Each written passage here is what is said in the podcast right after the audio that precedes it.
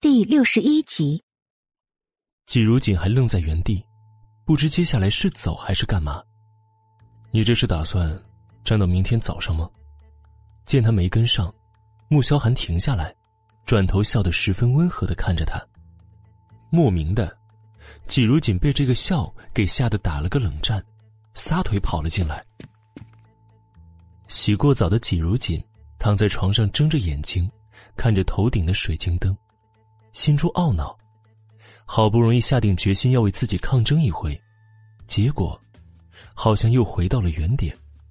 而更发愁的是，那张卡和八百万又该怎么办呢？这一发愁，就忘了身边还睡着一个男人。他唉声叹气的翻了个身，就看到男人英俊的脸，一双深邃无波的眼睛，正看着自己。你怎么这么晚了不睡觉？看着我干什么？季如锦吓了一跳，往后面挪去。而穆萧寒看着他一副受惊的表情，心情就不好。他有这么可怕吗？然后，便生出了一个不太善良的想法。哼，你说我看着你要干嘛呀？说着，便朝季如锦的身边移过去。季如锦吓得紧紧拽住被子。继续往后挪着。你你睡吧，都这么晚了，明天不是还要去公司的吗？睡不着。季如锦往后挪着，某人便往前面移着，接着，咚的一声，季如锦成功的从床上摔了下去。然而上次某人说过把地毯全都撤了，第二天齐叔就真的将地毯撤了，所以季如锦这么摔下来，还真有几分疼痛。龇牙咧嘴的爬了起来，神情有些哀怨，心中更是泪流满面。睡觉，要是再吵，我就真的要干点什么了。穆萧寒冷冷的看着他，悠悠的警告了一句。季如锦立即爬上床，躺得笔直，闭上眼睛开始装睡。见他这副样子，穆萧寒的嘴角隐隐有了一丝笑容，也不知为什么，每天逗逗这个小丫头。心情就会变好。因着晚上提心吊胆的，季如锦并没有睡好。推着穆萧寒走进餐厅的时候，便耷拉着脑袋，一副无精打采的样子。穆恩恩瞧见了，与江媛媛相视一笑，随即，冲着正要坐下的季如锦颐指气使的说道：“喂，我想吃饺子了，你去给我们做几份饺子过来。还有啊，快点儿。”别像昨天那样，一等就是几个小时。季如锦一愣，看了一眼穆萧寒，见他一副完全没有听到似的样子，顿时就怒了。感情昨天说的话全是骗他的。不过，他才不会像昨天那样傻傻的任由他们欺负呢。你自己没手吗？要吃自己去。说完，拿起面前的三明治，起身就往外走。这位小祖宗啊，他惹不起还躲不起吗？这个女人，哥，你看她这什么态度嘛？我不过是想吃饺子，她竟然敢这么跟我说话。穆恩恩气得瞪大眼睛，见季如锦人都走了，便只好冲着穆萧寒控诉着：“我看到了。”穆萧寒吃了一口煎蛋，淡淡的说了一句：“那你不让他学学规矩啊？”穆恩恩看到季如锦昨天被罚，和江媛媛高兴了一整晚。两人甚至还在盘算着，接下来要给季如锦多找一些麻烦，逼他主动离开穆家。是该学学规矩了。穆萧寒抬头看着穆恩，若有所思的点点头，而穆恩并没有意识到危险正在朝他靠近，一副十分赞同的点点头。哼，必须学规矩，不然呢，以后要踩到大哥你的头上去了。这样的女人是绝对不能忍的。我看啊。最好就是把她给休了。说完，还十分得意的看向一边正在喝牛奶的江媛媛。既然你也同意了，那从今天开始，自己做饭，自己上学，零花钱全都取消。而现在，去外面站着，什么时候让你进来了，你再进来。穆萧寒波澜不惊的说着，看了一眼瞪大眼睛，还以为自己听错了的穆恩恩。大哥，你你是在说我吗？穆恩恩傻眼了，刚才他们不是在讨论怎么惩罚季如锦那个女人吗？不然你以为我在说谁呢？你嫂子吗？她做错什么了？都说长嫂如母，你这几天对她的态度十分嚣张恶毒啊，连最起码的尊重二字也不知道，自然是让你学一学，什么叫真正的规矩。穆萧寒的神情渐渐冷漠下来，他可以欺负季如锦，但是别人不行。哥，你竟然为了那个女人这么说我，我是不是你的亲妹妹啊？你怎么可以为了一个外人？你，哥，我都快不认识你了，你怎么能这样嘛？穆恩恩又气又委屈，冲着穆萧寒大哭起来。是啊，寒哥哥。你怎么可能为了一个外人这样子对恩恩呢？他也是为了这个家好啊！你看，他都哭成这个样子了。江媛媛走到穆恩身边，拿着纸巾帮他。第六十二集，穆萧寒却笑了，抬头看向江媛媛，目光突然变得严厉。阿锦是我的妻子，是穆家的一员，怎么到了江小姐嘴中就变成外人了？哼！要说外人，江小姐不才是吗？江圆圆手猛地一颤，纸巾掉下来，脸色惨白又受伤的看向了穆萧寒。韩哥哥，你竟然把我当外人！季如锦到底哪一点好？你为了他都快六亲不认了。说着，江圆圆的泪水却跟断了线的珍珠一般，吧嗒嗒的往下掉，洁白的贝齿咬着唇瓣，神情哀伤又楚楚可怜的。若是没有定力的人，真是要被他这副样子给打动了。江小姐姓江，本就是外人，我说错了吗？穆萧寒并不吃这一套，又警告的看向了眼角还挂着泪水的穆恩恩。你可以不接受她是你嫂子这个事实，但是，如果你当我是你大哥，就要给她最起码的尊重。否则，你要我把你当成妹妹也很难，明白了吗？穆恩还是第一次被大哥这么严厉的警告，吓得竟然打起哆嗦来。他傻傻的点点头，直到穆萧寒离开，他才回过神来。圆圆姐，我哥，他真的为了那个女人？圆圆姐，你怎么了？话说到一半，才发现江圆圆泪流满面，脸色难看至极的看向穆萧寒离开的方向，眼底。渐渐涌上了一层深切的怨恨。圆圆姐，你别吓我呀！穆恩恩清楚的看到他眼中的恨意，心中一跳。江圆圆回过神来，恢复到平时的温和，拿起纸巾擦了擦泪水。恩恩，你哥把我当成外人，可是我不想变成外人。我一直都把你当成亲妹妹的，我也很爱你大哥。恩恩，你可要帮我！穆恩恩看着他这副坚决的模样，下意识的点点头，心中却在挣扎：难道自己真的要为了圆圆姐和大哥作对吗？那毕竟是自己的亲大哥。季如锦因为是下午的课，到了学校直接去了昨天准备去的快餐店，问了老板之后，知道还要招兼职。之前他在这里做过，人又勤快，再加上他的颜值，也会为店里带来不少的客人。老板立刻爽快的答应了。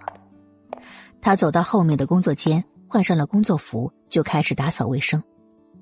快餐店的兼职是三十块钱一小时，季如锦每天只要在这里做三到四个小时，就会有一百块的收入。而他在读大学的这三年里，学费和生活费几乎都是靠他在外面兼职打工赚来的。几家那边见不用出钱，自然也是乐得高兴，也没有管这些。接下来的几天里，季如锦只要下课了，就跑到快餐店这边上班，每天早出晚归的，连穆萧寒都开始奇怪他到底在干什么。这天晚上，季如锦十点半才回到穆家，将背包扔在了沙发上，准备去洗澡。穆萧寒坐着轮椅来到沙发边，看着他的背包，拿了起来。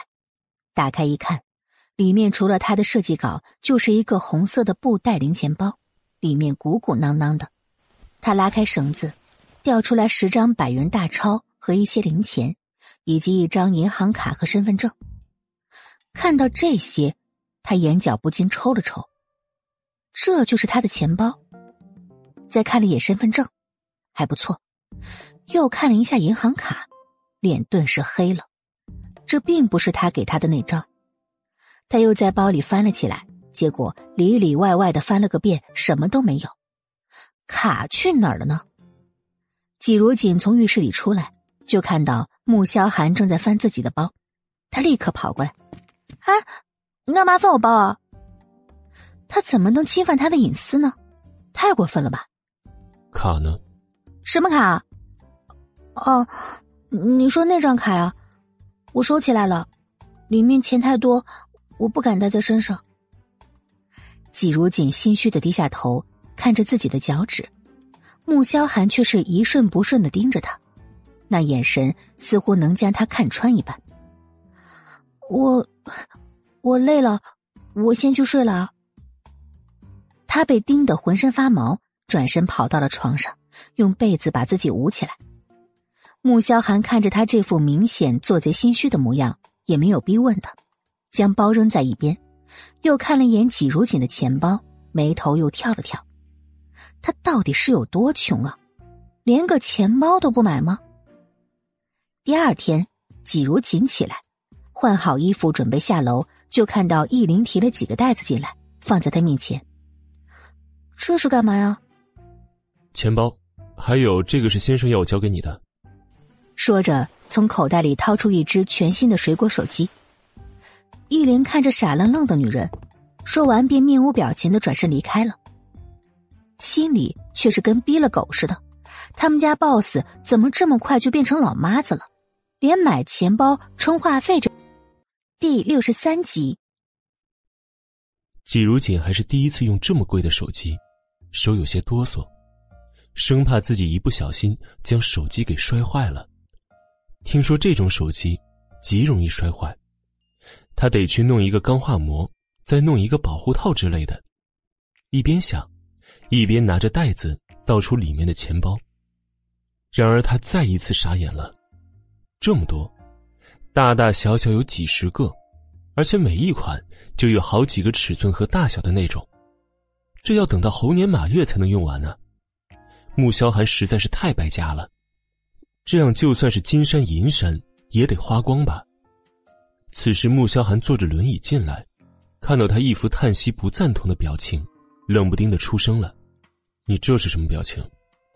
季如锦吓了一跳，站了起来：“没，没有，我就是觉得有点浪费钱。”你放心，这些会从你每个月的零花钱里面扣。那意思，摆明就是给了你八百万，你不用。那我就替你买了，什么？那这些我都不要了，你让人退回去吧，我自己去买一个几十块的钱包就行了。开玩笑呢，这么贵的钱包把它卖了，他也还不起啊。更何况，那张卡现在已经不在他手中了。见他反应这么大，穆萧寒就更加确定了他有问题。已经买了，退不了。他扔下一句，坐着轮椅出了门。季如锦觉得自己被雷劈了一下，退不了，什么叫做退不了啊？那他把这些钱包拿去转手，应该还能卖些钱吧？而此时霍尔坎顿酒店的八八幺八套房里，左印正沉着眉看着躺在床上脸色惨白一片的、不停冒着虚汗的黎墨，怎么样了？今天九点半要到 A 大演讲，可是从昨天晚上开始。特助黎墨就开始拉肚子了，到今天早上直接脱水严重到站也站不起来，最好是送到医院，已经严重脱水了。医生检查之后给出了结论，左英的脸色不是很好，他这次来春城只带了黎墨一个特助，还有一个半小时演讲就要开始了，先去医院吧。他点点头。走回了书房，开始收拾演讲要用的资料。目光忽然落在了书桌上一份写着娟秀字体的痕迹的策划书上，他伸手拿了起来，这才想起，这是那天敷衍季如锦时要他做的。后来他确实也做了，还送了过来。只是他并没有打算让他做助理，所以就随手将这份策划书扔到了一边。打开策划书，随意的看了两眼，却渐渐的被上面的策划流程吸引住了视线，眼底闪过了一抹赞赏的神色。看来徐老推荐这个人并不是没有道理的，虽然有很多地方还待改进，但对于一个在校的大三学生来说，已经非常不错了。季如锦站在办公室里面，听到徐老师告诉他左印临时改变决定，由他担任这次演讲助理的时候，他整个人都是惊呆的。什么叫做临时改变主意？他看了看时间，脸色有些为难的说道：“老师，只有一个小时就要开始了，我什么准备工作都没有做呢。”左印将策划书扔在桌上，哼，你要是没有信心就算了。男人淡淡的，却用饱含嘲讽的语气，让季如锦很是难堪。季如锦并不是没有信心，只不过有些小脾气罢了。左印之前明摆着讨厌他，又不好直接拒绝徐老，所以就故意晾着他。而现在，他的特别助理生病了，就想起他来了。左先生，您看过我的策划书了吗？他没有正面回答左印自己到底有没有信心。先是抛出了一个问题，左印点点头，看他接下来打算说些什么。那左先生觉得策划书可还行吗？他又问了一句，温温柔柔的声音让人听了觉得十分舒服。虽然有些小问题，但大致上我很满意，否则也不会提出让你接替黎助理了。左印的这番话，倒是给了季如锦一个台阶，毕竟他只是一个在校的学生。无论是经验还是阅历，肯定都不如黎助理。季如锦听完之后，心里也舒服了一点。那接下来的行程，可以按照策划书上进行吗？季如锦又征询的问了一句，左英就笑了。这女人她还真是小瞧了。哼，可以啊，如果有什么其他问题，我会直接和你提出的。季如锦立即点点头。嗯，那我就有信心了。说完，眉眼弯弯的做出了一个请的手势。左先生，这边请。您可以先去礼堂里面休息一下，其他工作我会安排好。左印挑挑眉，没想到他进入角色倒是很快。最终，在 A 大的演讲十分成功。左印不但言语幽默，举的例子也十分生动，而深刻。演第六十四集。演讲结束之后，季如锦又和保全公司的主管联系，一路护着给那些大学生签名的左印出了校门，上了车。副驾驶上，季如锦坐下之后也重重的松了口气。虽然不用他在台上演讲，可是他要在台下放 PPT，还要负责带头鼓掌，又要安排离开的保全工作。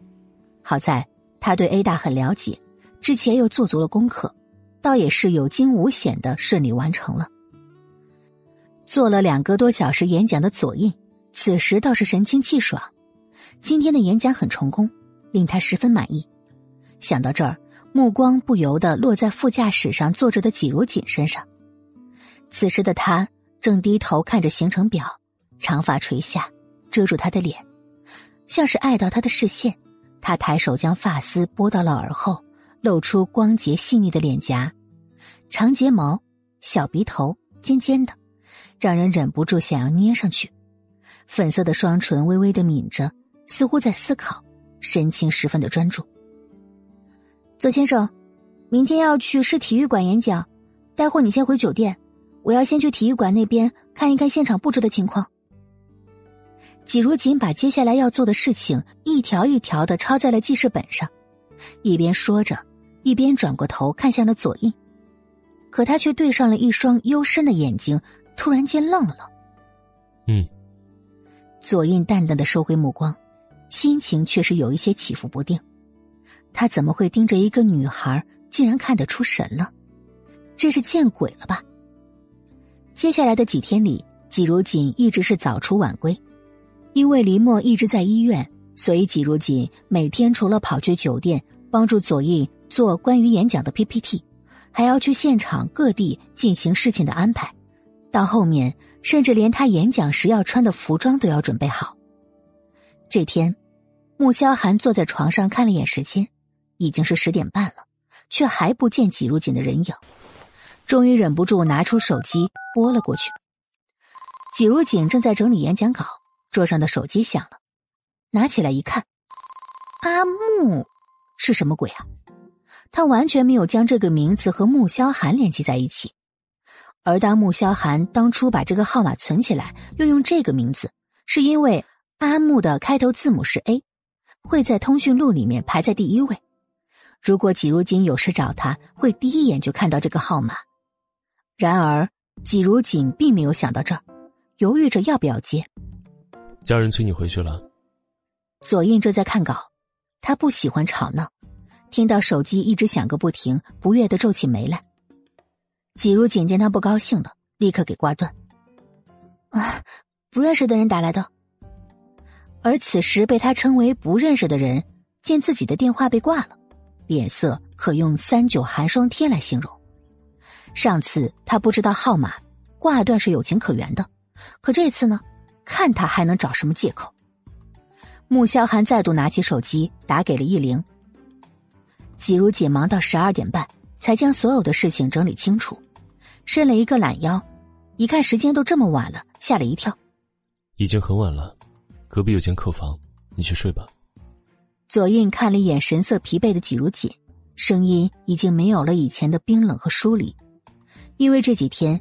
季如锦对工作的投入和专注，他是看在眼中的，而且他也不像外面的那些女人，一见到他就恨不得全身心的粘上来，反而是一直保持着距离，穿着也是中规中矩，让人挑不出毛病来。不了，我必须要回家的，你放心，我明天一定准时过来。说完，背起包跑了出去。左印神色有点复杂，若换成别的女人。一定会毫不犹豫的把握好这次机会吧？可是呢，这个女人却是毫不犹豫的拒绝了，走的还飞快。难道她会吃人不成吗？我送你下去。左印几乎是不加思考的拿起椅子上的外套走出去。季如锦愣了，想拒绝，可男人已经走到他面前去了。等电梯的时候，他有一点无所适从的感觉，于是拿出手机。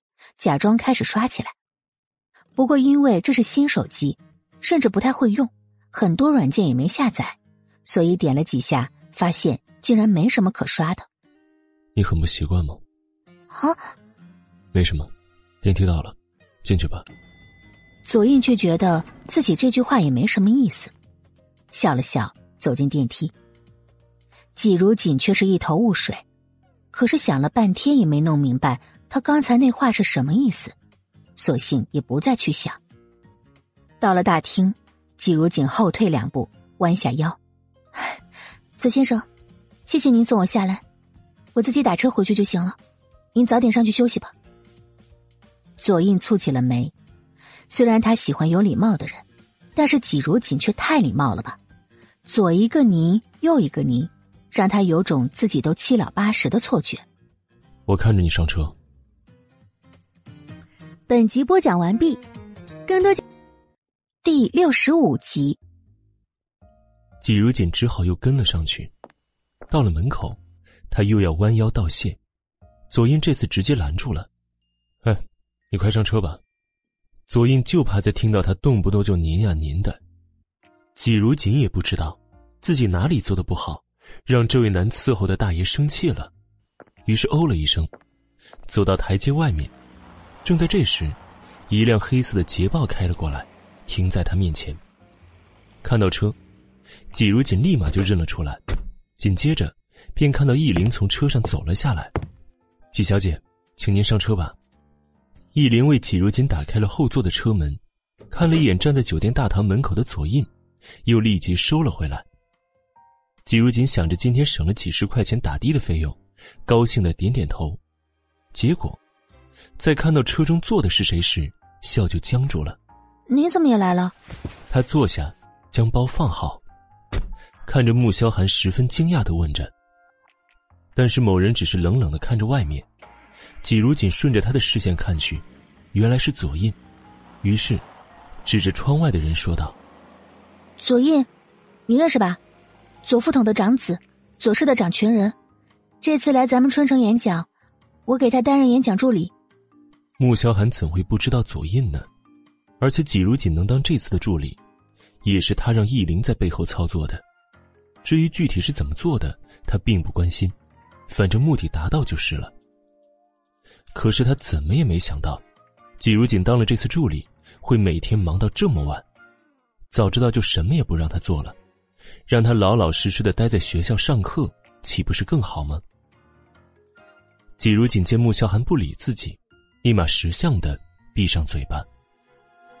这男人的性子真是阴晴不定的，一不小心就有可能会惹他生气，真是和左印一样，都是十分难伺候的主。为什么挂电话？你们在上面做什么呢？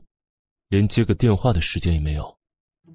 穆萧寒丝毫没有发现自己语气之中的酸味声音里面也饱含着怒气。季如锦想也不想就否认了：“啊，你什么时候给我打电话了？那个阿木，是你？”说到最后，看着男人阴沉的表情，他莫名的就想笑。但是又不敢笑。我不知道是你，左先生又不喜欢太吵，我就直接给挂了。季如锦低着头，忍着，努力的忍着。只是阿木这个名字，真的和穆萧寒本人太不搭了。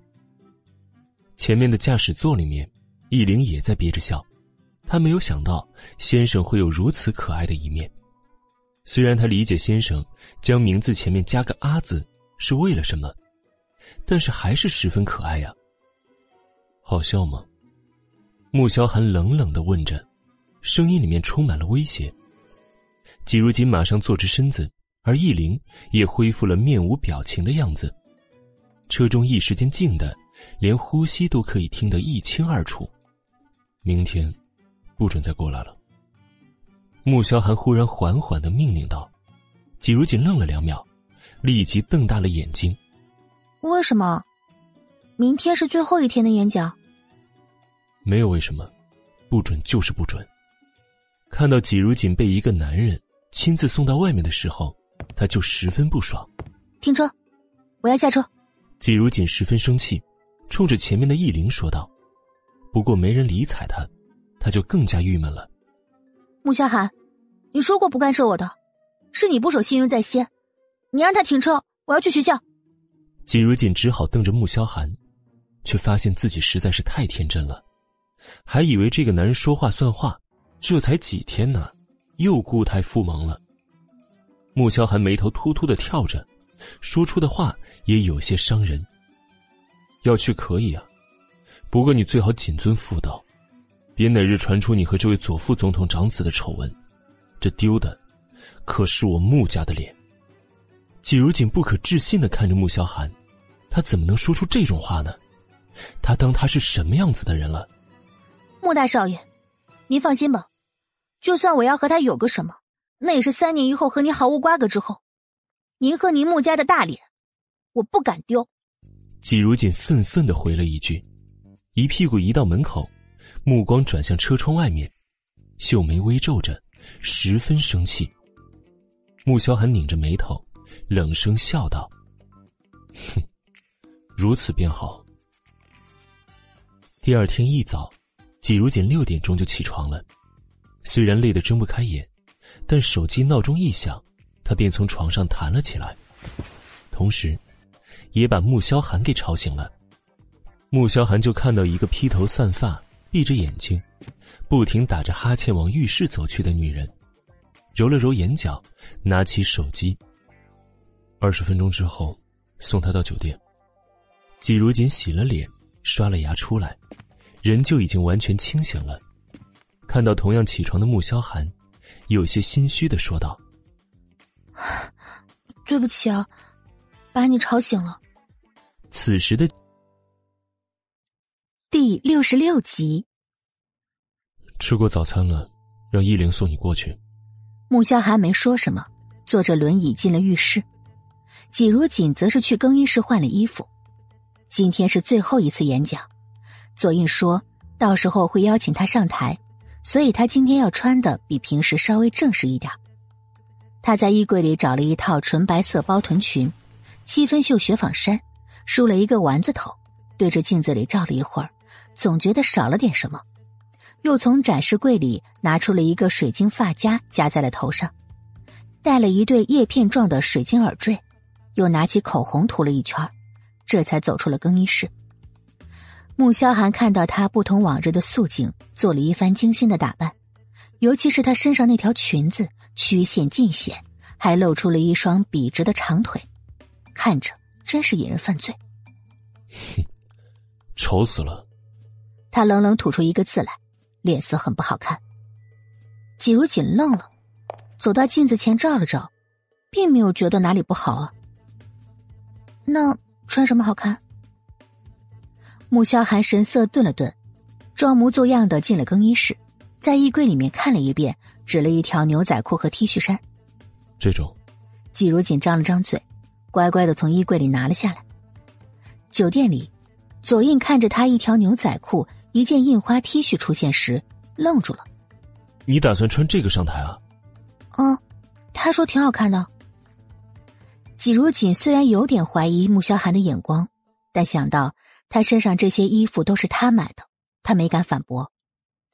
左印听到他口中的那个他，想到了昨天晚上出现在酒店门口的那辆黑色的捷豹车。虽然没有看到里面坐的是谁，但那个下车为季如锦开车门的穿着和气质来说，想来坐在后座的那人定是身份不俗的。那个人和他是什么关系呢？是不是就是上次出现在警局门口的那个人？想到这儿，他心中莫名的烦躁。走吧。他蹙起眉，看也不看季如锦，拿起手机走了出去。季如锦只觉得莫名其妙的，刚才还好好的，怎么眨眼间说变就变了呢？都说女人的心难以捉摸，可他怎么觉得这话用到穆萧寒和左印的身上更合适呢？上午十一点半，演讲结束了，季如锦觉得整个人都轻松了下来。他把所有的东西都整理好。准备找左印做一个总结的时候，李默却来了。季小姐，接下来的事情交给我来吧。这几天辛苦你了。季如锦听说李墨会接手，也乐得轻松，马上把所有的资料和电脑，还有这几天的行程记录，全部都交到了李墨的手中，然后就离开了。李墨抱着一大堆东西，看着走得轻松愉快的季如锦，眼底闪过了一抹惊讶。他走了。左印从后台出来，看着黎墨手中的那些资料，脸色渐渐阴沉。这女人还真是走得干净利索呀。嗯，boss，酬劳。黎墨看向了左印。按照之前和 A 大的协商，这次担任助理的会有一大笔报酬。虽然徐老并不是因为这笔钱才积极为季如锦争取这次机会的。但是要知道，季如锦在他身边待了七八天，竟然就这么干脆利落的走了，估计也要气得捶胸顿足了吧。左印没有立刻做好决定，只是淡淡的扔下了一句：“你不用管。”说完便离开了。黎墨站在原地，看着左印离开，神色变得复杂。只是一个星期的时间，boss 难道就对季如锦动心了吗？回到学校，季如锦躺在床上。米乐乐听说他回来了，立刻跑到寝室，看到他，激动的八卦：“哎，怎么样？怎么样？跟着左学长有没有什么收获啊？”“嗯，有。我要向他学习，做事认真，有抱负。看着他平时冷冰冰的，在台上还是很风趣的。”米乐乐听完，翻了一个白眼：“哎呦，我去！”你脑子里怎么都装着这些啊？我是想问你，你知不知道他的私生活怎么样啊？有没有女朋友之类的？乐乐，你难道对左师兄有想法吗？你怎么可以这样啊？你不是已经有二少了吗？哎呦，你这对他没想法才不正常吧？还有，谁说穆言飞是我的？那种二世祖我才瞧不上呢，还是左学长最好，人帅，还那么有能力。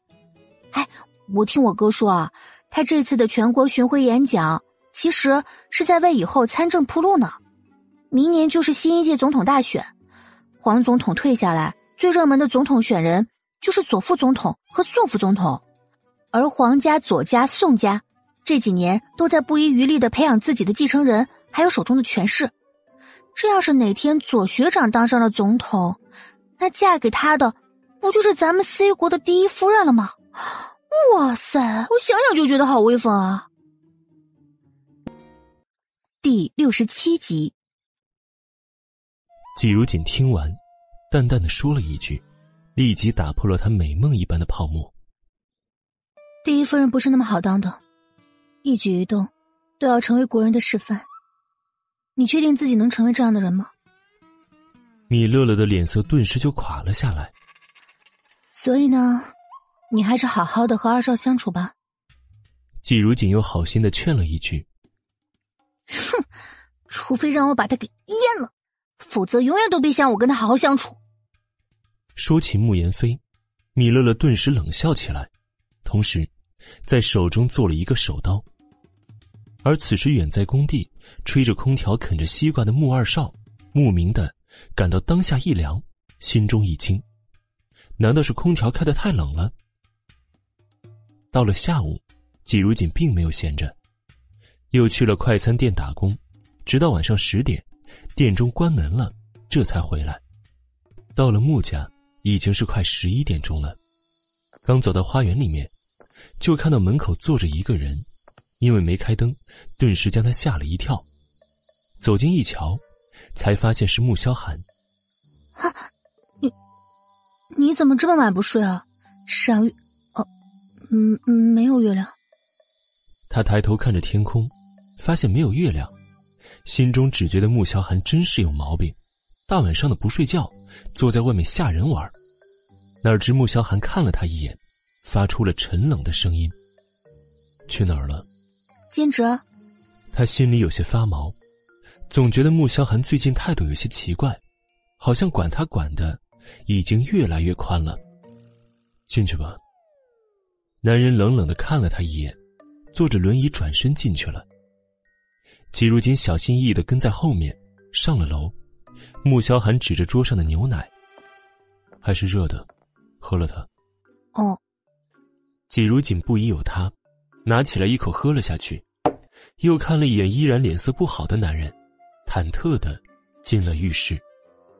从浴室出来，见穆萧寒已经睡下了，这又松了一口气。走到另一边，掀开被子躺了下去。紧张了一星期的神经彻底放松下来。白天又在快餐店工作了一天，季如锦累的很快就睡了过去。没多久，便传来了平稳的呼吸声。而这时，旁边睡着的男人忽然睁开眼睛，坐起来走了出去。没过两分钟，易灵戴着手套，拿了一根针管走了进来。在床边停下，从被子中拿出挤如锦的手臂，精准的找到血管，扎了进去。而旁边，穆萧寒看到针管里面的血渐渐的抽满，眉头也拧得越来越紧了。第二天早上，季如锦醒来时，感觉右边的整条手臂都有些酸软无力的，还以为是昨天在快餐店拖地时用力太猛，于是甩甩手。走进了浴室洗漱，等他一出来，穆萧寒又指着桌上的牛奶说道：“以后早晚各一杯热牛奶。”季如锦点点头，心想：怎么他的待遇忽然升级了呢？待会儿恩恩他们要去逛街，你要不要一起去？穆萧寒想到昨晚从他身上抽走的那一管子鲜血，脸色微冷。季如锦听到“穆恩恩”三个字，连忙摇头：“不了，我衣服很多，不用买。”我还要去学校呢，他才不要和穆恩恩一起逛街呢，那不是找死吗？他的反应令穆萧寒的眉头再次皱了起来。一直到了商场，他才知道穆恩恩之前对季如锦到底干了什么。在商场里面，穆恩恩一直在东张西望的，因为零花钱被扣了，他连买衣服的钱也没有，在大哥面前说了半天好话，才终于磨着大哥出来带他买衣服了。只是他今天的目的并不是买衣服，而是故意给大哥和圆圆制造机会。没过多久，穆恩就看到对面服装店里正在试衣的江圆圆的身影，眼睛一亮，指着那家店说道：“哥，我们去那家店看看吧。”穆萧寒原以为是他要买衣服的，但逛了半个小时却什么也没买，便知道了他心中打的是什么主意了。他只是静静的看了穆恩恩一眼，便由着他推着自己往 LV 的专卖店走去。此时的门口，穆萧寒看到江媛媛手中提着两个精致的包装袋，脚下更是放了四五个袋子，眼底闪过了一抹惊讶之色。紧接着，当他看到江圆圆从钱包中掏出的黑卡付账时，顿时就明白了。哎，哥。你看，是圆圆姐，你们真的好有缘分啊！穆恩只想着怎么撮合自家大哥和江圆圆，并没有留意到穆萧寒的神色变化。而至于那张黑卡，他早就已经抛之九霄云外了。说着，穆恩恩就钻进店里，而江圆圆看到穆萧寒的时候，脸上一喜，蓦地露出一副委屈又哀怨的神情。好似穆萧寒对他始乱终弃了似的，穆萧寒却是无动于衷了，只是淡淡的瞥了一眼穆恩和江圆圆，拿起手机，转过轮椅到外面的走廊上去。马上去查件事情，五分钟之内，我要知道结果。而五分钟之后，穆萧寒挂断电话，脸色就如山雨欲来一般。第六十八集，哥。你在这做什么呀？圆圆姐说累了，我们去楼上喝东西吧。穆恩和江圆圆亲热的挽着手走过来。穆萧寒看到他手上的大包小包，露出讽刺的笑容。哥，你看，这是圆圆姐送我的包，漂亮吧？穆恩恩扬了扬手上的 LV 夏季新款包包，脸上都快乐开花了。还是江圆圆对他好，舍得送他这么贵的包包，哪像那个季如姐。一副穷酸的模样。想到这儿，穆恩恩眼底掩饰不住鄙视的神情。圆圆，这些少说得花了七八十万了吧？穆萧寒看向江圆圆和穆恩恩的手中，袋子是一个接着一个的，不经意的问。江圆圆笑了笑：“最近跟着朋友学了一点投资，挣了点钱，所以今天特意犒劳自己一下。我看恩恩挺喜欢这个包的。”我就买来送给她了。他很清楚怎么讨一个人的喜欢，像季如锦那样上不得台面的女人，总是惹得穆家人厌恶，而穆萧寒站在中间，很是为难。时间长了，他一定会感到疲惫不堪的。可他却能得到穆家每一个人的喜欢，那时候他就知道谁才是最适合他妻子的人。想到这儿，江媛媛脸上的笑意越发的明艳了。看来，从季如锦手中抢走那张卡，这是他的明智之举，否则他哪能这么痛快的买买买呢？每个月有八百万，这么蠢的女人怎么斗得过他呢？哦，投资啊，什么投资？啊？竟然赚这么多？穆萧寒笑了笑，声音听不出喜怒。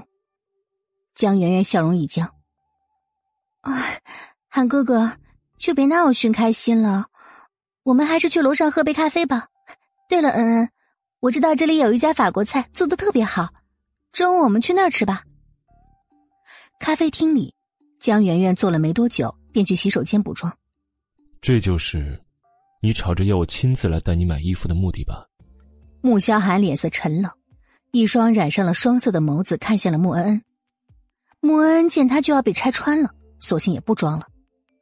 哥。你为什么就不能给圆圆姐一个机会吗？当初她只是犹豫了几天，你就这样子惩罚她，你不觉得太过分了吗？那个季如姐，不论身世还是教养，她哪一点有圆圆姐好啊？而且你要是娶了圆圆姐，那不是皆大欢喜了吗？这些都是江媛媛教他的，而他也确实这么认为的。皆大欢喜，哼，我看是你们皆大欢喜吧。穆恩，看来我还是对你太宽容了，以至于让你连里外都分不清了，竟连着外人欺负自己的大嫂。你在做那些事情的时候，脑子里面有没有想过，她才是我的妻子？穆萧寒转了转手中的戒指，自从和纪如锦登记结婚之后，他就一直戴着这枚戒指。起初他只是为了演戏，让穆家人知道他对这桩婚姻很在意。然而现在他已习惯了，每次看到这枚戒指的时候，他都会想起在珠宝店里，季如锦看的钻戒时毫不动心，却坚持要选这款戒指当婚戒的画面。穆恩恩脸色一僵，心里突的一跳，他有一种不好的预感。哥，你这是什么意思啊？我怎么听不懂呢？再说了，圆圆姐除了是小顾的干女儿，也没有什么不好的嘛。江叔叔也一直很想促成这门婚事啊。你要是和圆圆姐结婚，那对咱们穆家不是也有好处的吗？他越说，越发现自家大哥脸色变得越冷。哼，对穆家有好处，你可知道穆家现在是鲜花着锦？烈火烹油，又何须一个小小市长的女儿来锦上添花呢？穆恩，我对你真是太失望了。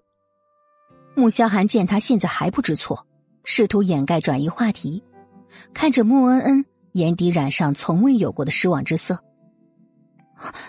大哥，以前不论他闯了什么祸，大哥顶多是骂他几句，却从来没有用这种失望的眼神看着他。喊哥哥，恩恩，你们怎么了？江圆圆细细的补了一个妆，回到座位上，就看到气氛有点不对劲儿了，于是软着声音问。穆恩恩立刻朝江圆圆使了个眼色，希望她能够领会到。然而江圆圆和他并没有达到心有灵犀的地步。圆圆，刚才我看你付钱用的是一张黑卡，记得上次你还请我帮你申请黑卡呢，怎么？这张卡自己申请下来了。穆萧寒冷冷看了一眼穆恩恩，神情充满了警告。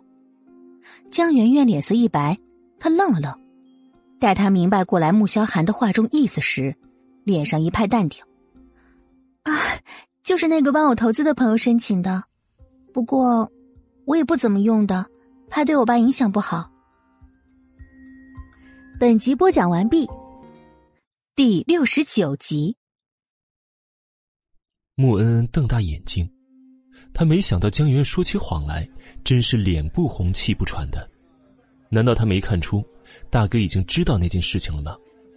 还有，刚才他付款用的竟然是那张黑卡，那天从季如锦的手中抢走的黑卡。他以为江源是故意让季如锦着急，而他自己更是那种什么事情都能忘的性子，也就没有去想这张银行卡的事情。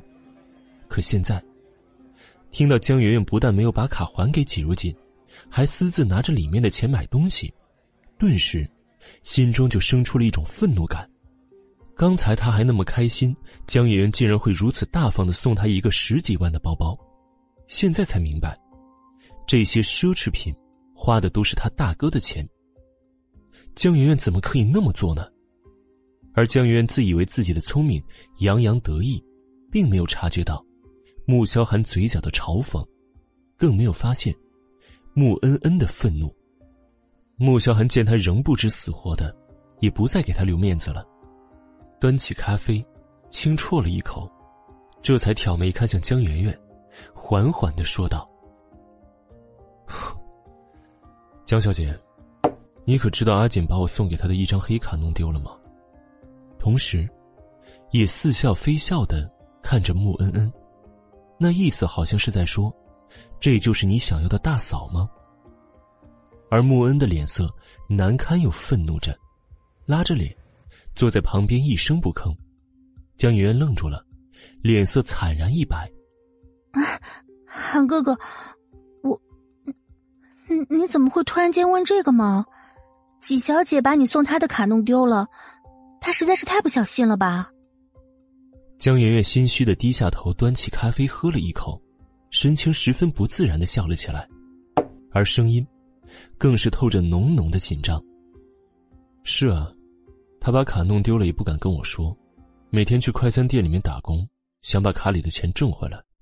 哼，可是八百万，他得挣到什么时候啊？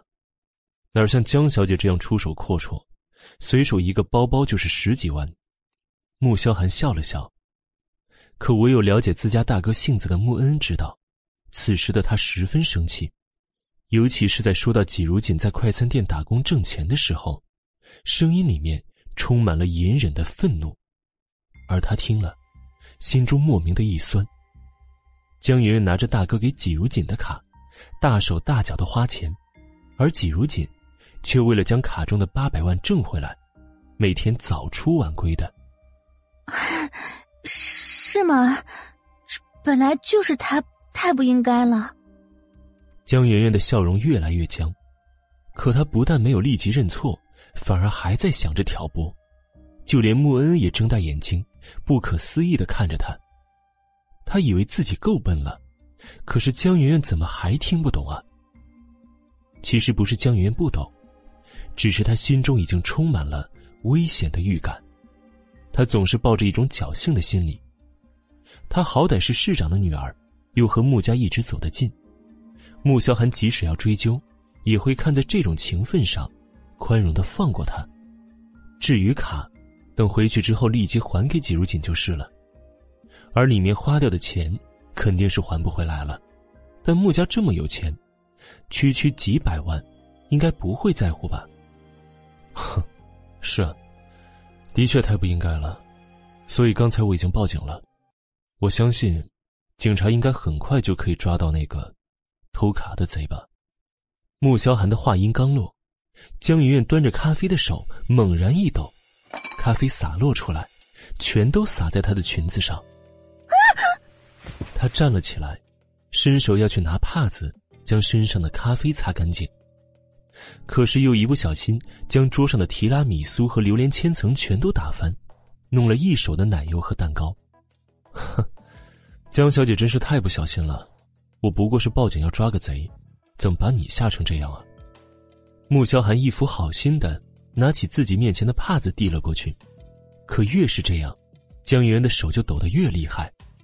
他接过帕子，一边低头擦着身上的咖啡，一边迅速的。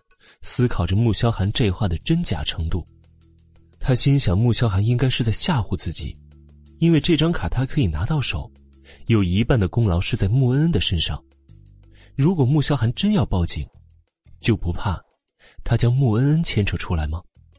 再说了，穆家难道就不怕父亲？警察也不会相信一个市长的千金会做出这种事情啊。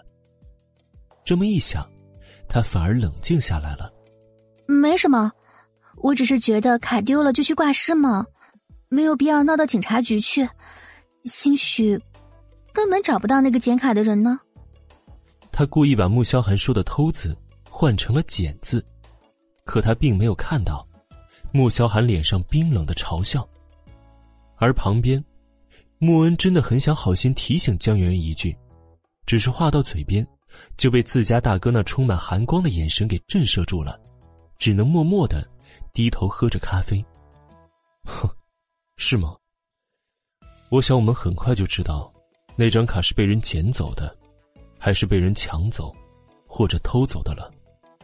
穆萧寒喝完最后一口咖啡，冷冷的看着穆恩，便率先坐着轮椅往外面走去了。穆恩也不敢多做停留，立马起身就。第七十集。江圆圆则失神的瘫坐在座位上，等她回过神来时，却发现连穆恩恩都走了。她立刻拿出手机打过去，然而穆恩恩看到是他打来的，想接又不敢接，最后只好挂了。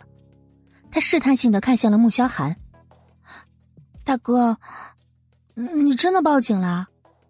你看我的样子像开玩笑吗？想来等会儿你也要被请到警察局去了吧？”哼。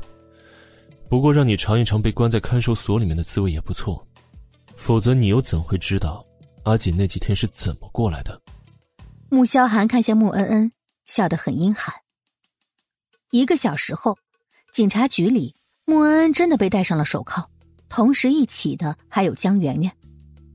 穆萧寒坐在轮椅上，王局长亲自泡了一杯顶级毛尖放在他面前，神色却是有些为难。穆总啊，这件事情怎么会把市长家的千金也牵扯进来呢？还有令妹，哎呀，我可真是不好办呢。王局长公事公办就好了。否则我只好找我大伯聊一聊了。想来江市长应该不会说什么的。穆萧寒笑了笑，神色凉凉的，丝毫不给王局长一点面子。听到穆萧寒提的那个人，王局长脸色突然一变，立刻换上了一副公正廉明。呃，好，穆总放心，这件事情我一定公事公办。穆萧寒点点头，办公室的门被人一脚狠狠踢开了。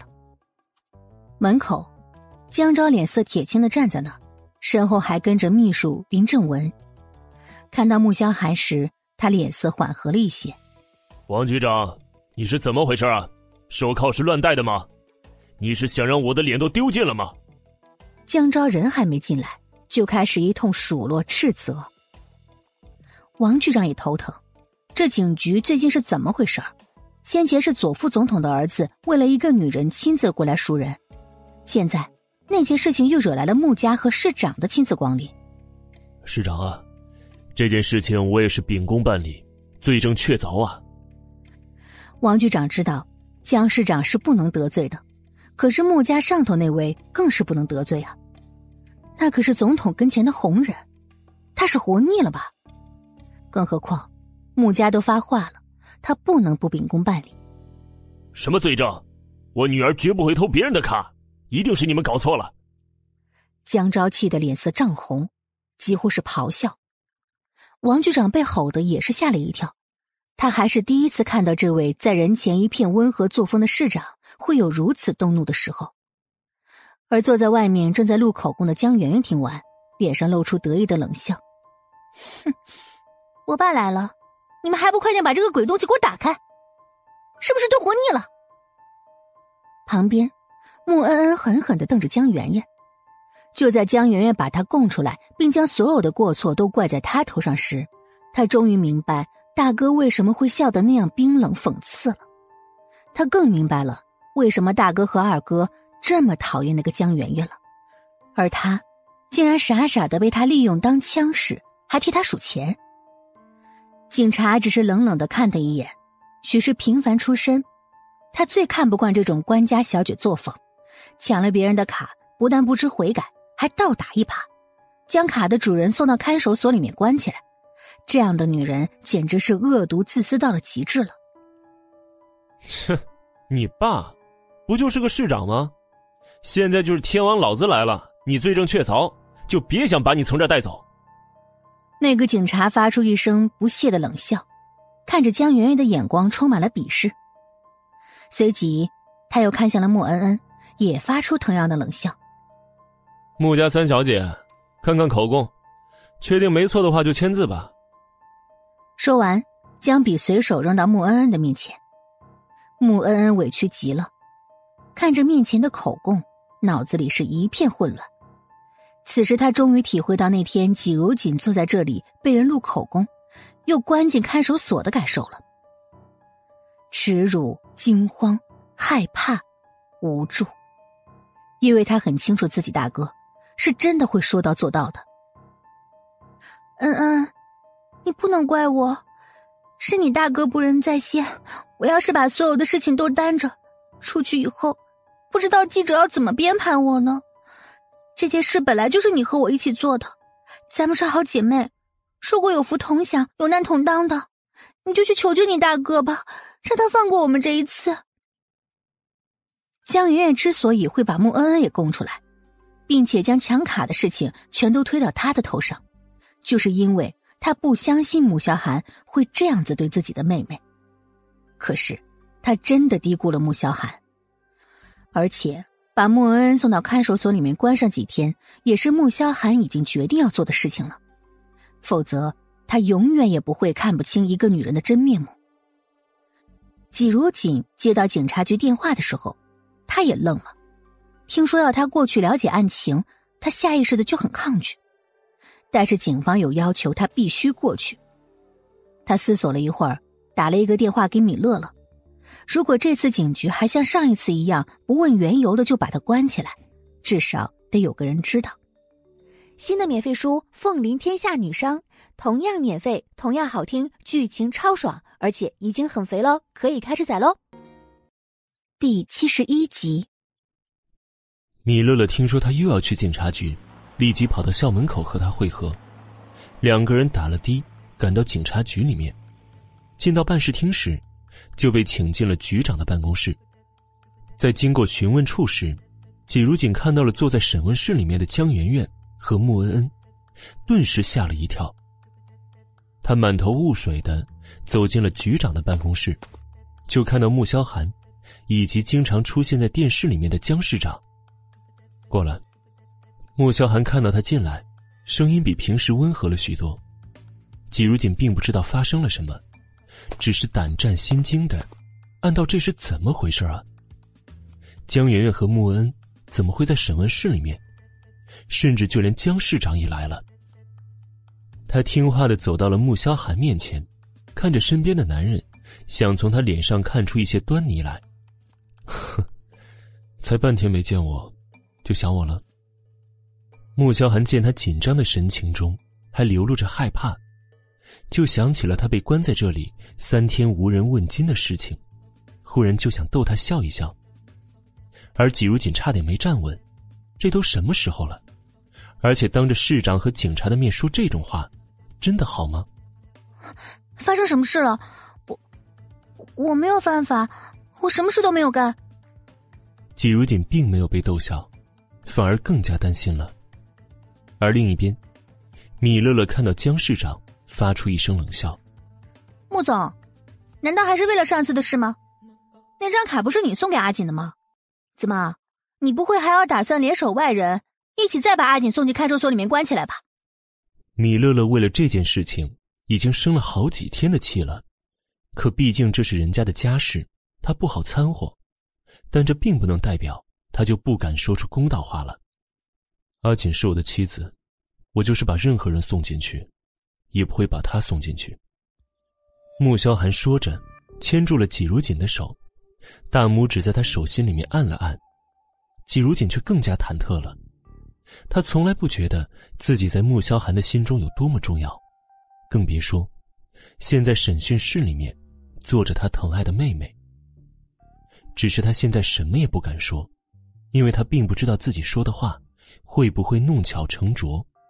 只能忐忑不安的站在一边，手也下意识的想要抽回来，因为他只要一紧张，就会有些坐立不安。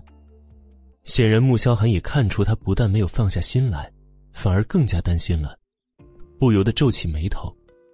难道在他的心里，他就这么没有信用吗？连他的保证也不能相信吗？小寒呐，这到底是怎么回事啊？怎么又扯上这位纪小姐了呀？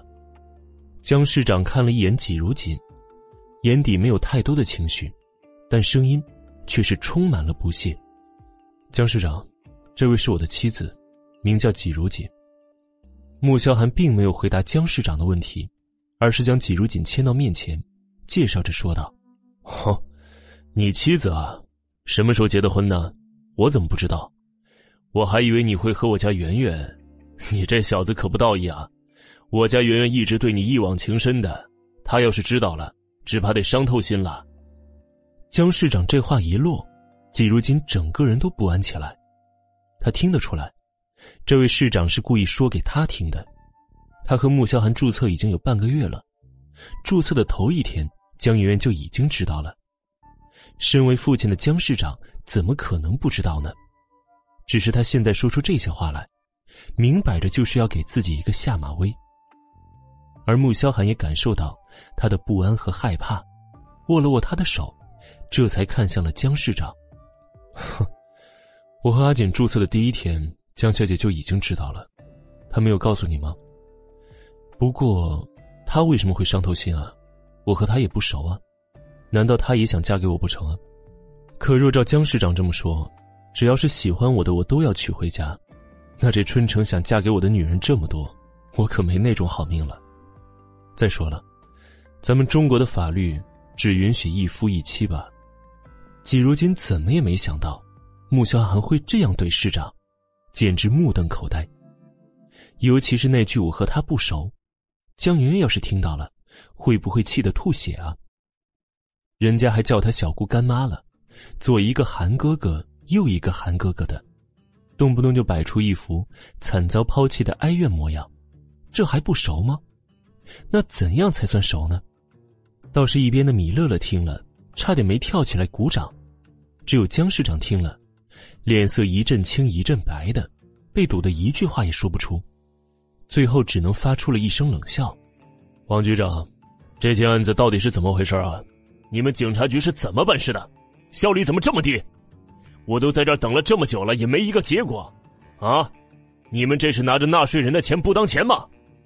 王局长现在站在一边，恨不得像个叮当猫一样，可以有个任意门穿梭就好。他这是无妄之灾呀！哎呦，我的市长大人呐，你第七十二集，哥，是不是季如姐那个女人？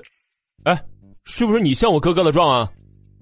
王局长还没有来得及回话，突然门口响起一阵质问，穆言飞一阵风似的刮到了办公室里。王局长两眼一翻，心想：哎呦，得又来一位爷。季如锦把脸往旁边一撇，看都不看慕言飞。倒是米乐乐看到他这样欺负季如锦，顿时不乐意了，抬脚冲着慕言飞的屁股一脚踢上去，脚尖正中菊花。慕言飞“嗷”的一声跳起来。王局长看到这一幕，差点要竖起大拇指了。这位踢人的，那可真是女中豪杰啊！连穆家二少的菊花他也敢抱，佩服佩服啊！我说阿锦总是这么倒霉呢，穆恩恩这么恶毒，合着是有你这么个混账哥哥护着呢。米乐乐环着胸走过去，虽然人比穆言飞矮了一个头，可气势还是很足的。穆言飞捂着屁股，毫无形象可言的又跳又叫了好半天，仍然觉得菊花处那是火辣辣的发疼。米乐乐，你这死女人，我要杀了你！穆言飞从来没有被一个女人这样羞辱过，气得就要扑上去掐死米乐乐。够了，还不嫌丢人啊？穆萧寒在他没有来得及出手时，冷喝了一声，阻止了一场即将发生的恶战。米乐乐挑衅的看了眼穆言飞，站到了一边。哥，你就这么看着我被这个女人欺负呀？慕言飞还在捂着屁股，气愤的大喊着：“这要是以前……”穆萧寒自然不会就这么看着，但是现在呢，他觉得米乐乐这一脚踢的还是太轻了。你的账，回去我再慢慢跟你算。穆萧寒冷冷的看了一眼穆言飞，这才向王局长说：“王局长，既然江市长想要知道案情是怎么样的，把口供拿给他不就是了吗？王子犯法与庶民同罪，想来江市长不会利用职务之便，替江小姐免罪吧？”至于穆恩恩，该怎么秉公办理，就怎么秉公办理，我没有任何意见。江市长的话再一次被穆萧寒全部堵在了喉咙里，怎么也发不出来。穆言飞听到却不干了：“哥，你疯了？恩恩哪吃过这种苦啊？”他不提这个倒好。哼，是啊，他没吃过，阿锦吃过，所以你和他就罔顾阿锦的人权吗？穆萧寒轻轻一笑，却是寒冷无比，镜片后面的双眼淡淡的看向了穆言飞，却充满了质问和严厉。穆言飞的话顿时全都卡在了喉咙里，最后他只能凶狠的神情看向了季如锦，企图威胁他。米乐乐看到，抬脚又是一下，这回踢中的是穆言飞的小腿肚子。穆言飞跳起脚来就要跟他拼个你死我活，米乐乐却挑眉瞪眼。哼，你敢恐吓阿姐，信不信我阉了你啊？莫名的，某人就觉得当下一紧。你敢？你信不信我干了你？切，就你！哼！米乐乐鄙视的看向穆言飞的下身，发了一声不屑的冷哼。而身为男人，又在百花丛中扑腾过的男人，是最受不了这种轻视的。这一刻，慕言飞只想当场把米乐乐给办了，让他明白什么叫做真正的男人。赶紧走，别挡爷的路。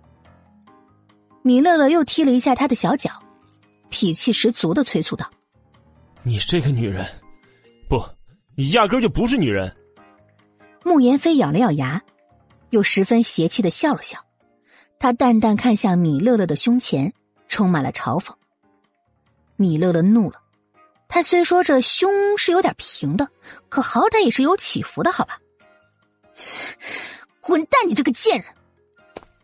他咬牙，狠狠瞪了一眼慕言飞，快步跟上季如锦和穆萧寒。终于扳回一城的慕言飞，这才高兴的哼着曲儿走进了审讯室里。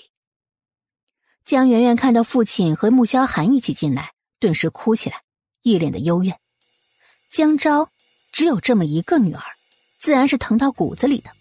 加上他能当上市长，还多亏了女儿当初去电视台进行拉票演说，所以更是宠爱有加。看到女儿哭成泪人了，江昭的心也是疼极了。他走过去抱住江媛媛：“媛媛，你放心，爸一定不会让别人冤枉了你。”说完，一双布满皱纹的眼睛突然蹦出两道寒光，射向了季如锦。季如锦吓得脖子一缩，恨不得拔腿就跑。可惜穆萧寒一直紧紧牵着他，真是想跑都没有机会。阿锦，你放心，当初你是怎么被人送进来关了几天，我就让他们也尝一尝被关的滋味。穆萧寒的声音里含了一丝怒意，便不是针对江昭的。而是对季如锦的怒气不争，难道他就这么不相信他吗？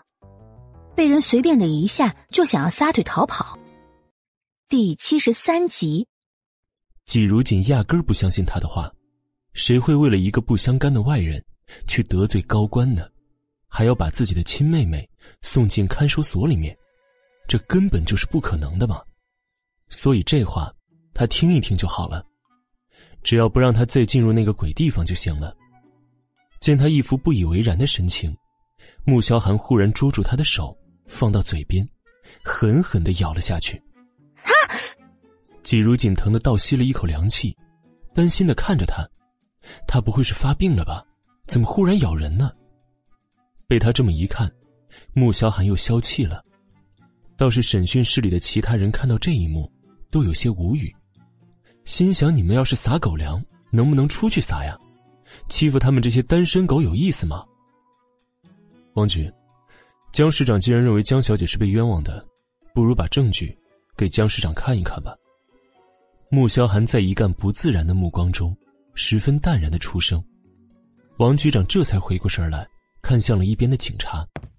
那名警察立即将证据以及调出的视频，还有两人的口供放到了江市长面前。并开始耐心的讲解案情。这是两位嫌疑人的口供，已经画押了。这是江姓嫌疑人拿着穆先生的黑卡，在商场的十几家奢侈品店中的刷卡和消费记录，卡中余额和消费记录完全吻合。江市长听着警察左一个嫌疑人，右一个嫌疑人的，眉头皱得都快打结了。但是有这么多的人在，穆萧寒又说了秉公办事。他一时间竟是什么话也说不出了。等看清消费记录之后，脸更是彻底黑了下来，猛地将证据拍在桌子上：“圆圆，你疯了！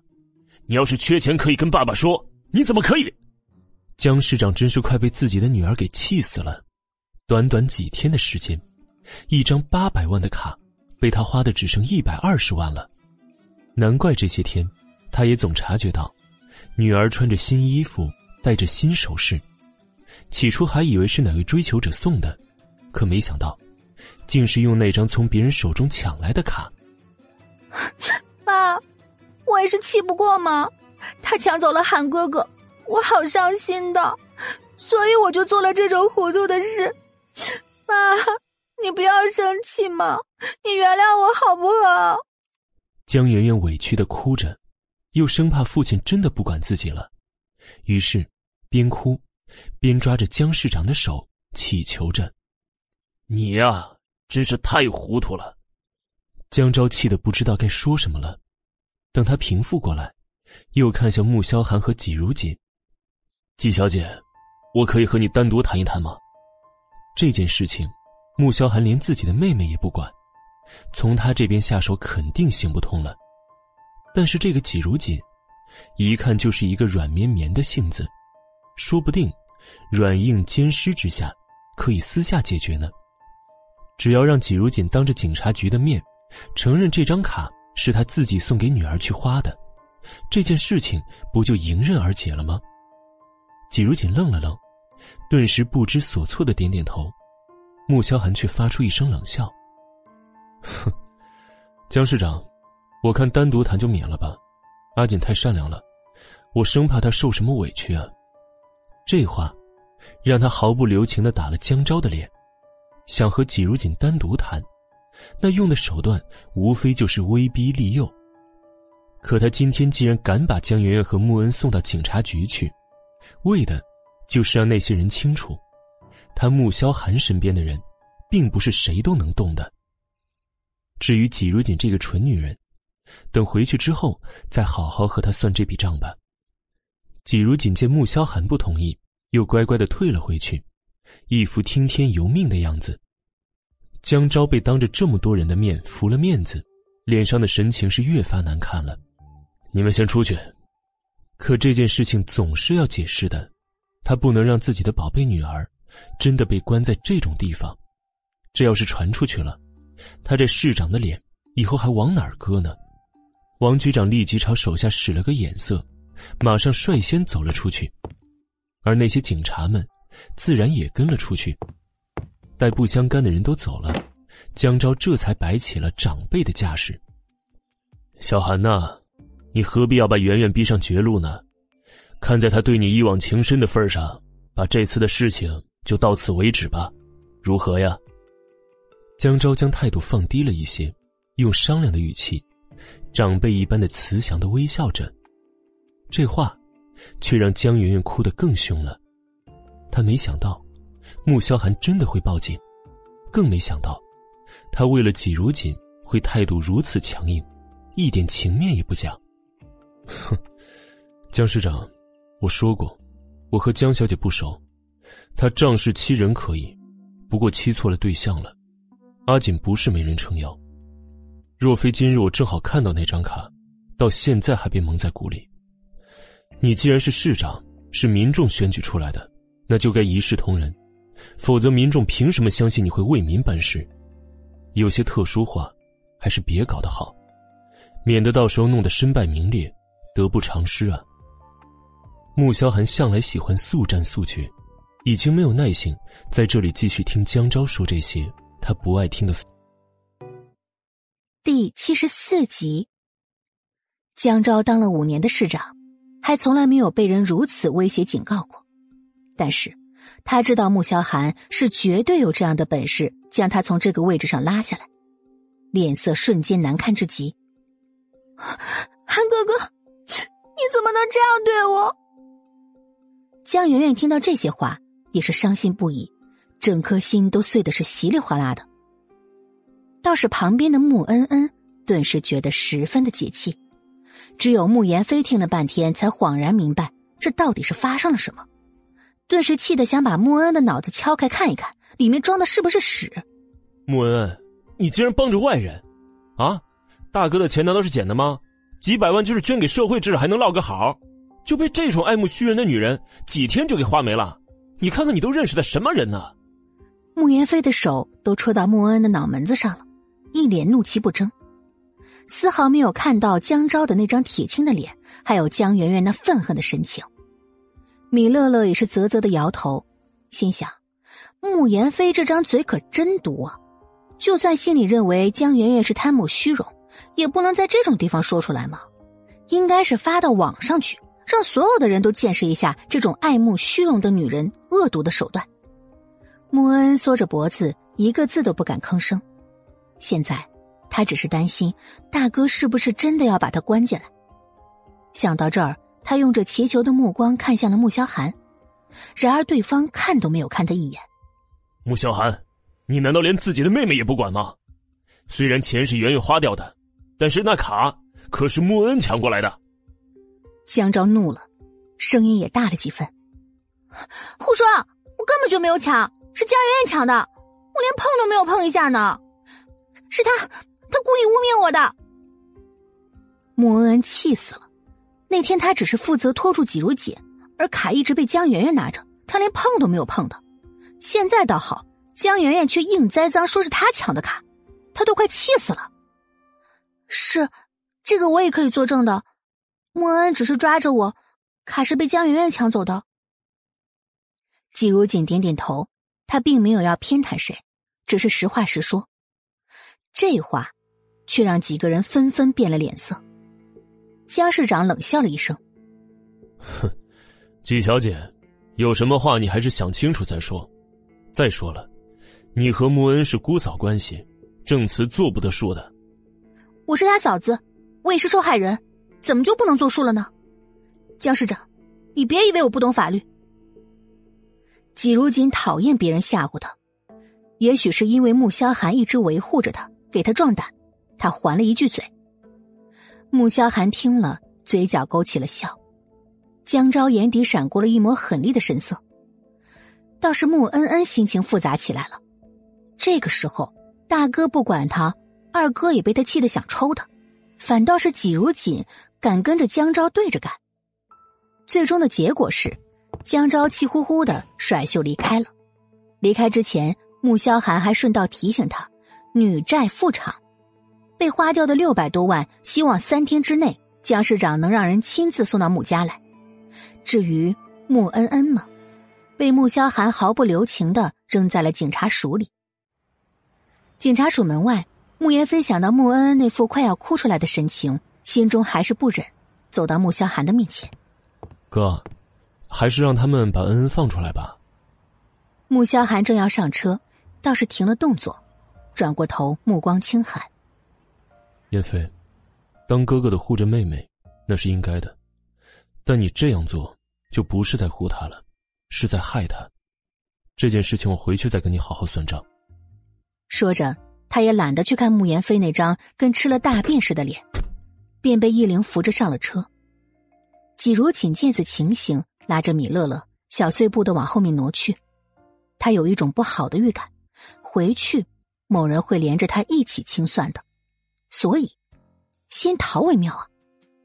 但是自以为逃过了别人的眼睛，却不知道这些小动作早已被某人看到了。上车。穆萧寒看向窗外，正慢慢的往后移动的季如锦，眉头一挑，发出一声冰冷的命令。车上，季如锦忐忑又心虚的掰着手指，一副像是犯了错怕挨批的模样。穆萧寒看他是又气又怒又想笑，为什么不跟我说？是觉得我不会替你出头吗？还是从来就没想过要跟我说？他在心里叹了口气，最终还是没有发火，而是温声的问：“我答应了二少。”这是他没有说的原因之一，更因为他从来就不觉得穆萧寒会为了他一个外人而去惩罚他的妹妹穆恩恩，以前。穆恩恩那样羞辱他，给他使绊子，穆萧寒确实是惩罚过他，可不但没有作用，反而换来穆恩恩更加变本加厉的报复。本集播讲完毕，第七十五集。穆萧寒听着他这言不由衷的话，还是没忍住动怒了，伸手捏住他的下巴，强迫他直视着自己。只是因为这个，声音里面。充满了严厉和不悦。季如锦心想，他要是说实话的话，穆萧寒会不会打死他呀？算了，还是不要说了。真……话刚到嘴边，嘴巴就被人猛地咬住了，不是吻，而是咬。季如锦吓得魂儿都没了，瞪大眼睛，脑子里面一片空白，看着面前放大的俊脸，只觉得肢体都无法动弹。唇上一疼，他终于有了知觉，下意识的张开嘴喊着疼痛，却被某人趁火打劫。穆萧寒也不知为什么，明明只是想要惩罚他说谎，却发现他的嘴巴里面有着一股清甜的味道，让他难以抗拒。啃咬，渐渐的，变成了亲吻，最终，意犹未尽的离开了。下次别撒谎了，吻完，捧着季如锦的脸，发出了温柔的警告。季如锦机械般的点点头，直到车子在穆家停下，他依然没有从刚刚在车上发生的一幕回过神来。他刚刚一定是在做梦吧，一定是疯了。倒是穆萧寒看着他一副丢了魂的样子，不禁皱着眉头。过来，推我上楼。季如锦哦了一声，结果，在上到二楼的过程中，好几次踢到了轮椅的轮子，好几次，连穆萧寒都觉得有一定的疼痛感，可是他竟然没有一点反应，依然是一副神游太虚的样子。到了二楼，季如锦就傻傻的坐在沙发上。直到米乐乐一个电话打过来，阿姐，刚才你男人在警察署真的是太他妈帅了，真是可惜了那双腿啊，不然一定帅到惨绝人寰呢。呃，你别放在心上，我就是一时嘴快。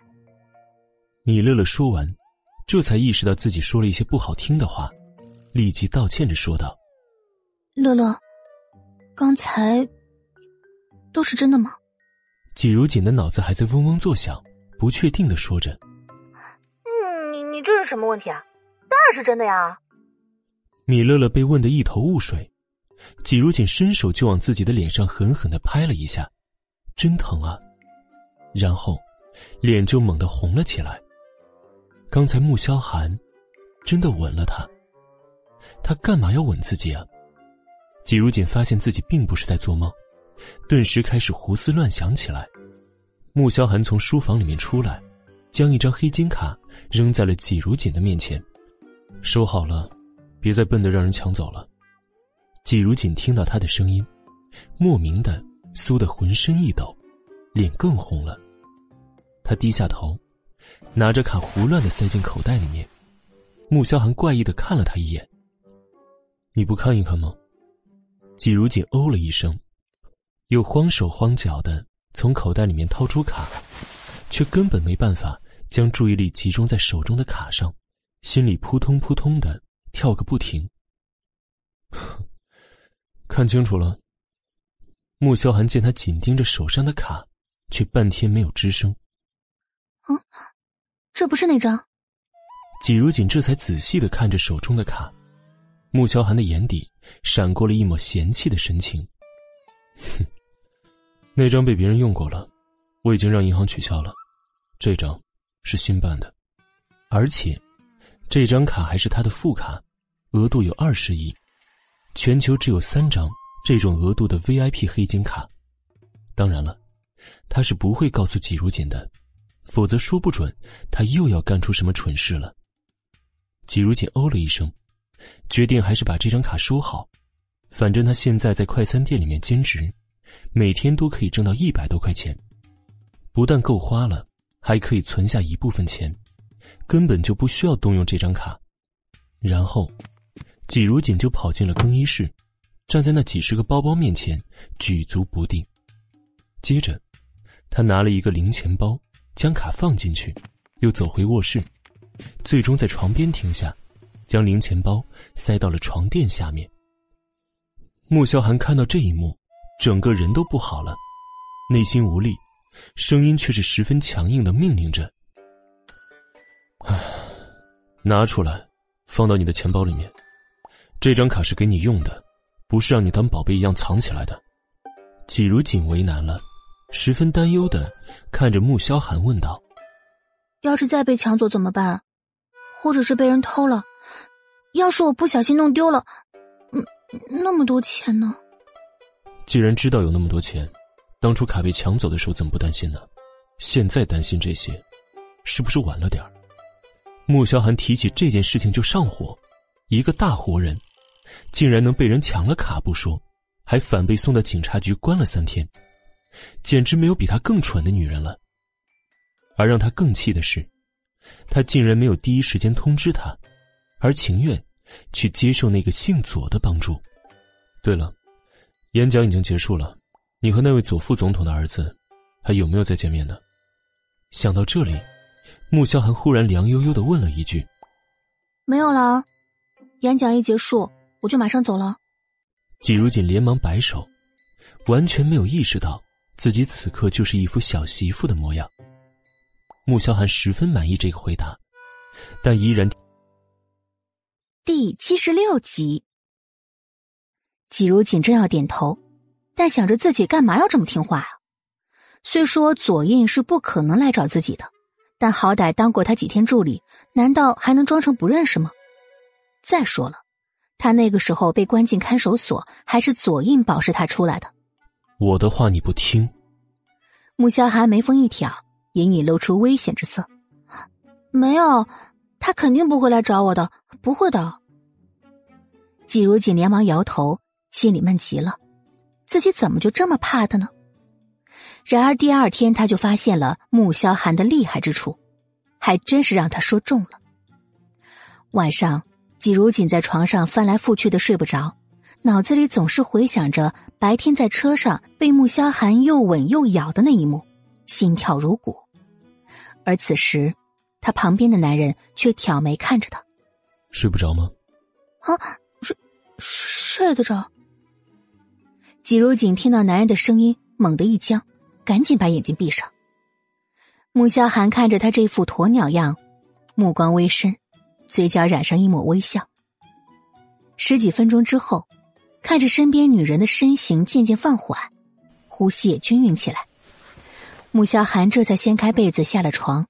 缓缓走到季如锦的面前，看着他沉静的睡容，目光停在他的双唇上。其实这一天，他也在回味着他的味道，柔软、甜美，还有狠狠的悸动。这么多年来，第一次如此强烈又清晰的感觉。他的手指轻轻落在季如锦的脸颊之上，指腹在他柔软嫩嫩的唇上轻轻的摩挲着。一种强烈的冲动几乎占据了他所有的理智，毫不犹豫的弯下身，吻了上去。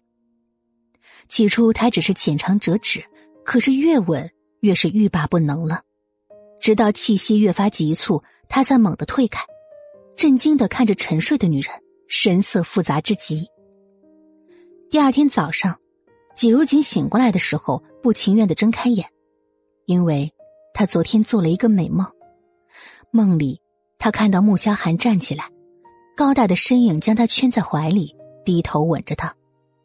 所以，一睁开眼就看到旁边的男人正在看着他时，脸就突然间烧了起来。脸这么红，是不是生病了呀？穆萧寒见他脸红的异常，伸手在他额头上摸了摸，并没有发烫。他突然想到那天在楼下吃饭。他也是去摸他的额头，当时严飞说他这是害羞的表现。难道他在害羞吗？大清早的，这害什么羞呢？没，没事。季如锦心虚的坐起来，低声说了一句。穆萧寒也起了身，并没有继续追问，只是深深看他一眼，便撑着床坐到了轮椅上。洗漱之后。季如锦推着穆萧寒到了餐厅，就看到穆老太太和穆坚家都在，他不由得一愣，便马上明白他们只怕是为了穆恩恩和江圆圆的事情。萧寒，你简直太胡闹了！这种事情在家里面私下解决就行了，你为了这个女人，竟然把自己的妹妹送到警察署关了起来，你爸妈要是知道了，这得多伤心啊！穆老太太看到穆萧寒过来，立刻发作。她看向季如锦，更是严厉。穆萧寒却是满脸的淡然，坐到桌前，将牛奶放到季如锦的面前。你太瘦了，喝了。季如锦顶着穆老太太严厉的目光，已经是压力山大了。偏偏穆萧寒还做出这样贴心的举动，这让他恨不得想要隐身才好。奶奶，小姑还没有吃早饭吧？罗妈，再去弄两份早餐过来。穆萧寒又看向罗妈，吩咐了一句。罗妈立即逃开这个是非之地。餐厅里顿时寂静的，让人觉得很压抑。当然，感到压抑的人也就只有季如锦一个。小韩，你这是什么态度？我说的话你没听到吗？穆老太太发火了，她瞪向穆萧寒，声音严厉的质问。穆萧寒吃了一个荷包蛋，优雅的嚼了几口，咽下，又喝了一口牛奶，这才看向了穆老太太。当然听到了，我不过是在想，该怎么回答你。穆老太太气绝，正要发火，却听到穆萧寒又说：“但想来想去，也没有办法令奶奶满意。爸妈把她交给我来管教。”原本是希望他骄纵的性子可以改一改，却不想我的失职，导致他最后竟然里外不分了。为了个外人，把自己嫂子送到警察局关了三天。这次不给他点教训，爸妈回来之后我实在不好交代啊。至于这件事情，我昨天已经和爸妈说过了，他们十分赞同我的做法。奶奶，你还有什么话要说的吗？穆萧寒素来少言寡语。但为了堵住穆老太太和穆坚家的嘴，还是耐着脾性的说了这么一长串的话，却是口渴，随手便拿着第七十七集。季如锦努力的降低自己的存在感，一直默默的吃着早餐，结果，穆萧寒的话刚说完，就把他的牛奶给喝了，让他顿时愣了好半天。你把我的牛奶喝了？哼，那你喝我的呀。穆萧寒又将自己喝了两口的牛奶放到了季如锦的面前。季如锦心想，并不是这个呀，那是他喝过的，他又喝了，这不等于间接接吻了吗？虽然有些不好意思，但看到穆萧寒并不嫌弃自己，心中莫名的有些犯甜。于是小心翼翼的端起了面前的牛奶，轻轻的喝了一口，多吃点。穆萧寒见他乖乖的喝了牛奶，十分满意，又将自己盘子中的鸡蛋放到了季如锦的盘子里面，完全将对面的穆老太太和穆坚家当成了空气一般。看到这一幕，两人铁青的脸色中均闪过一道惊讶。同为穆家人，他们十分清楚穆萧寒一直有着十分严重的洁癖和强迫症，然而。刚刚他却喝了季如锦的牛奶，难道他们是认真的吗？哎，小韩，你这话说的可不对啊！什么叫里外不分？圆圆是我的干女儿，也算是咱们穆家的人，怎么到你这就成外人了？穆坚家对穆恩的问题一点也不关心，但是江圆圆，他却不能不关心，因为接下来他有个项目要从江市长的手中过审核。可是没想到，中间会发生这样的变故，所以无论如何，他今天也要把江媛媛从警察署里面弄出来。哼，小姑啊，你不是已经嫁出去了吗？穆萧寒笑了笑，抬头看向穆坚家时，神情又冷漠了几分。季如锦有些好奇的看着穆萧寒和穆坚家两人，这对姑侄关系似乎很不好，以至于。连着对穆老太太的态度也有些冷漠和疏远，是因为穆老太太偏爱穆坚家的关系吗？谁知，穆坚家猛地一拍桌子：“我是嫁了，可我还姓穆呢，也还是你的小姑。你这是对长辈说话的态度吗？圆圆是我的干女儿，也就是你的表妹，你这个当表哥的竟然把自己的妹妹送到警察署，这像话吗？这？”那，又如何呢？穆萧寒无视穆坚家的怒气和责难，只是淡淡的反问一句：“你马上打电话给警察署那边，让他们把人放了。”穆坚家颐指气使的大声指使着，穆萧寒却笑了笑，将叉子放下，看了一眼旁边没有吭声的穆老太太：“奶奶，你们这么早过来，就是为了让我放过江媛媛呢？”听到这话，季如锦也明白了。一开始，穆老太太指责穆萧寒不放过亲妹妹，可是却并没有在这件事情上过多纠结，反而是穆坚家为了一个江媛媛，对穆萧寒摆起了长辈的架子，厉声责难着。所以在穆老太太和穆坚家的心中，穆恩恩还不如江媛媛这个外姓人。穆萧寒淡淡的一声反问，令穆蒹家立即闭了嘴，但并不代表他会就此放弃。妈，你看看萧寒，他越来越不像话了，眼睛里面根本就没我这个姑姑。穆蒹家一脸怨气的看着老太太，萧寒，这件事到此为止。不管你有什么不满，这都改变不了这是一家人的事实。也别做出让外人以为穆家内讧的事情出来，这对穆氏没有好处。穆老太太的脸色拉了下来，十分严肃的命令道：“穆萧寒的神情突然冷了下来，看着对面的穆老太太和穆蒹葭说道：‘奶奶，事情已成定局。’”我若出尔反尔，反而会被人说我堂堂穆氏总裁被一个女人牵着鼻子走，连保护自己妻子的能力也没有。再说了，咱们穆家内讧这事儿，也不是一天两天的了，外面早就人尽皆知了。穆氏不还是好好的吗？这话说出来，等于是在告诉穆老太太，她并不会被人牵着鼻子走，更不打算粉饰太平，所以就不要白费口舌了。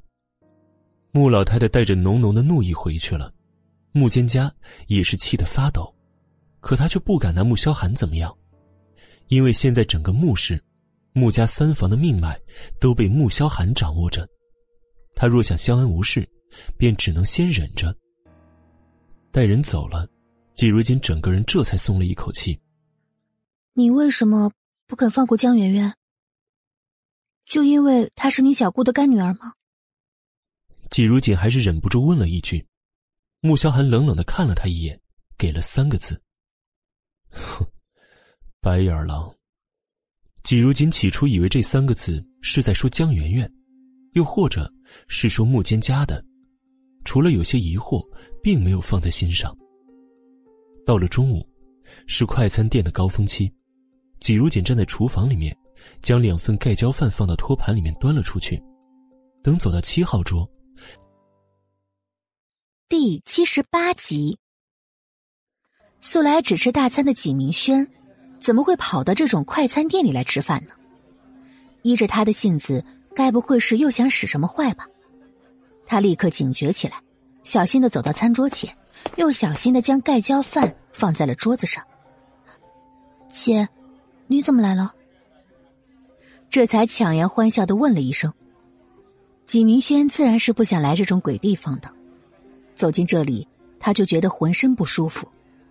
可是听说纪如锦前几天当上了左印的演讲助理，他就气得快要抓狂了。为什么总有这种好事情落到纪如锦这个贱人的身上，而他却要被千夫所指呢？这么久不见你回家，还以为你在穆家过得太滋润了，把娘家都给忘了。结果听说你在这种地方兼职呢，我就好心的过来看看你。怎么，穆家很缺你的钱吗？竟然让你在这种地方上班，不怕丢他们家的脸吗？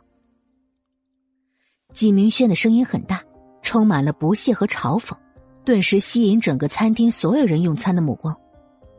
季如锦脸色尴尬又难堪，他连忙摆手：“大姐，你先用餐吧，我还有事情要做，先不跟你说了。”说着转身就要走。可是纪明轩却一把抓住了他，啊，大姐，你要干什么？季如锦面色一白，他就知道季明轩来这里是准没好事。季明轩看着他，嘴角露出一抹诡异的冷笑，接着，季如锦就看到季明轩另一只手从桌上端起一碗紫菜汤，泼到了自己的裙子上，同时嘴里轻轻的说：“ 当然是要你好看呢。”哼！随着“咣”的一声碗掉的声音，纪明轩猛地松开了纪如锦，退后了两步。啊！你你这个人怎么这样啊？我不过说了你几句，你就用它来泼我。你知道这裙子我花了多少钱买的吗？纪明轩一副又气又委屈的大喊大叫起来，再次吸引了快餐店里所有人的注意力，就连老板也走出来问到底是怎么回事。你是老板吧？他是你请的人，现在你们看该怎么处理吧。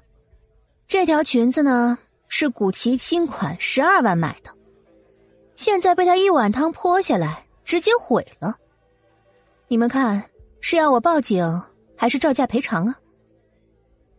纪明轩指着身上的裙子，倒也并没有说假话，这裙子确实价值这么多钱。季如锦听说十二万，顿时脸都吓白了。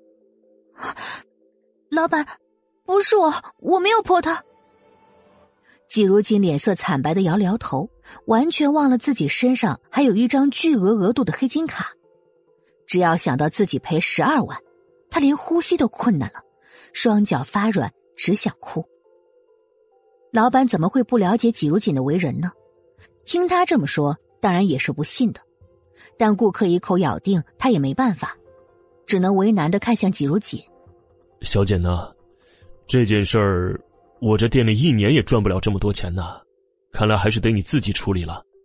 如果是几百来块的事情，他还能吃了这个哑巴亏，但是现在是十二万这样的巨额数目啊，对于他一个小小的快餐店老板也是要下跪的呀。季如锦又急又气，整个人都慌了。他这段时间打工总共挣了不到两千块，十二万，他要怎么还呢？钱，要不我帮你洗干净吧，一定和你刚买的时候一模一样的，可不可以啊？借什么借？我可没有你这种穷酸妹妹，别在这跟我扯些没用的，赔钱，不然我就报警。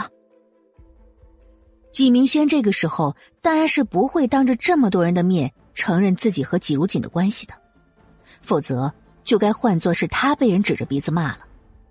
但是他并没有在意到。自己的嚣张态度已经让人十分的反感。季如锦一听到“报警”两个字，吓得浑身哆嗦。那个地方，他听了就充满了恐惧。而以纪明轩的手段，说不定就会像上次那样，让他在里面关上一段时间。我，我可不可以分期赔给你？旁边的人见他被欺负成这个样子了，也纷纷的出声帮腔。哎呀，人家都没钱呐，你这么为难人家干什么？有必要吗？对呀，又不是洗不干净了。可不是嘛！既然这么有钱，跑快餐店里吃什么饭呢？说不定啊，就是专门来找茬的。不得不说，这位顾客真像。纪明轩没想到，这些人不但不帮着他说话，反而还帮纪如锦说话，顿时气得脸色发红。分期。哼，想都别想！要么立马赔钱，要么马上跟我去警察署。说完，他又高傲轻蔑的瞪向了周围的顾客。哼，我来这里吃饭与你们何干啊？没钱就能成为他毁了我裙子可以不赔偿的理由吗？要是现在有人把你们的东西给弄坏了，结果说一声我没钱，卖一下惨，你们会就这么算了吗？别自己做不到，还要求别人当圣母。他这话一说出来，顿时让所有人都闭上了嘴巴。本集播讲完毕，更多精彩内容，第七十九集。他是不是卖惨我不知道，但我却清清楚楚的看到，是你自己故意将这碗汤泼在自己的裙子上的。突然，一道声音在门口出现。引起了一片哗然，纪明轩被人拆穿，脸色猛地一红，顿时看向声音的主人，一瞬间就愣住了。这个男人可真帅呀，而且看穿着就知道身份不一般。但随即，心中更加嫉妒和愤怒了。你胡说！这条裙子我花那么多钱买的，干嘛要做这种损人不利己的事情呢？你没有证据，就别在这里瞎说话，小心我连你一起告。纪明轩咬牙反驳道：“哼，我怎么知道你干嘛要这么做呀？不过你要的证据，刚才我不但亲眼看到了，很不巧的，还用手机拍了下来。既然你要告，那就告吧。”左印走了过来，看着脸色发白、紧张到快要哭出来的纪如锦，顿时生出几分怒气。再看向纪明轩时，目光冰冷而刺骨。景明轩看着他手中握着的手机。下意识的，就要伸手去抢。我不信，我要看看。就凭你，你也配？不是要报警吗？不如我帮你报啊！等警察来了，我自然会把手机给警察看。到时候，这个敲诈勒索罪，你应该是跑不了了。左印最不怕的，就是有人跟他玩心眼儿。眼前这个女人对付季如锦这种小白兔还行，可是要跟她玩，哼，还不够段位呢。果然，纪明轩不敢再吭半声了，狠狠的瞪了眼季如锦和左印，快步走出快餐店。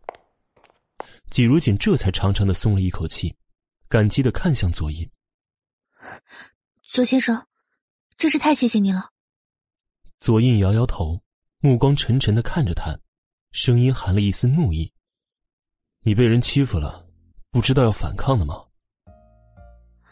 我，啊季如锦我了半天，也没我出个所以然来。还好你看到了，还拍了下来。不然，我都不知道要怎么办了。最终，还是季如锦转移了话题，多恭维了左印几句，结果却没想到，左印冷笑着说道：“ 哼，谁说我拍下来了？不过是吓吓他罢了，而且，我也没看到啊。”听到这话，季如锦傻眼了。那你怎么知道是他自己泼到自己身上的？第一，他身上的每样东西都不低于五万块钱。显然是一位富家小姐，这种人怎么会来这种快餐店里面吃一份十几块钱的盖浇饭呢？第二，你这软绵绵又怕事的性子，给你十个胆子，你也不敢往人家身上泼汤啊！第三，他看你的眼神，恨不得把你活剥了，所以综合这三点，我就猜他是故意来找你麻烦的。左印倒是比平时多了几分耐心，为他解答疑惑。季如锦的眼睛都直了。左先生，你好厉害啊！这都能让您看出来。左印看到他这副模样，就像一只呆萌的小兔子似的，莫名的可爱，勾起了他一丝丝的笑意。对了，你什么时候下班呢？我有事找你。哦，我要下午两点半以后才能走得开。你有什么事吗？可以现在跟我说。季如锦的脑子里面闪过了昨天穆萧寒的警告。左印却并不着急，指着对面的咖啡厅说道：“那我在对面等你，下班了就过来找我。”说完，也不等季如锦说同意还是不同意的，就走出了快餐店。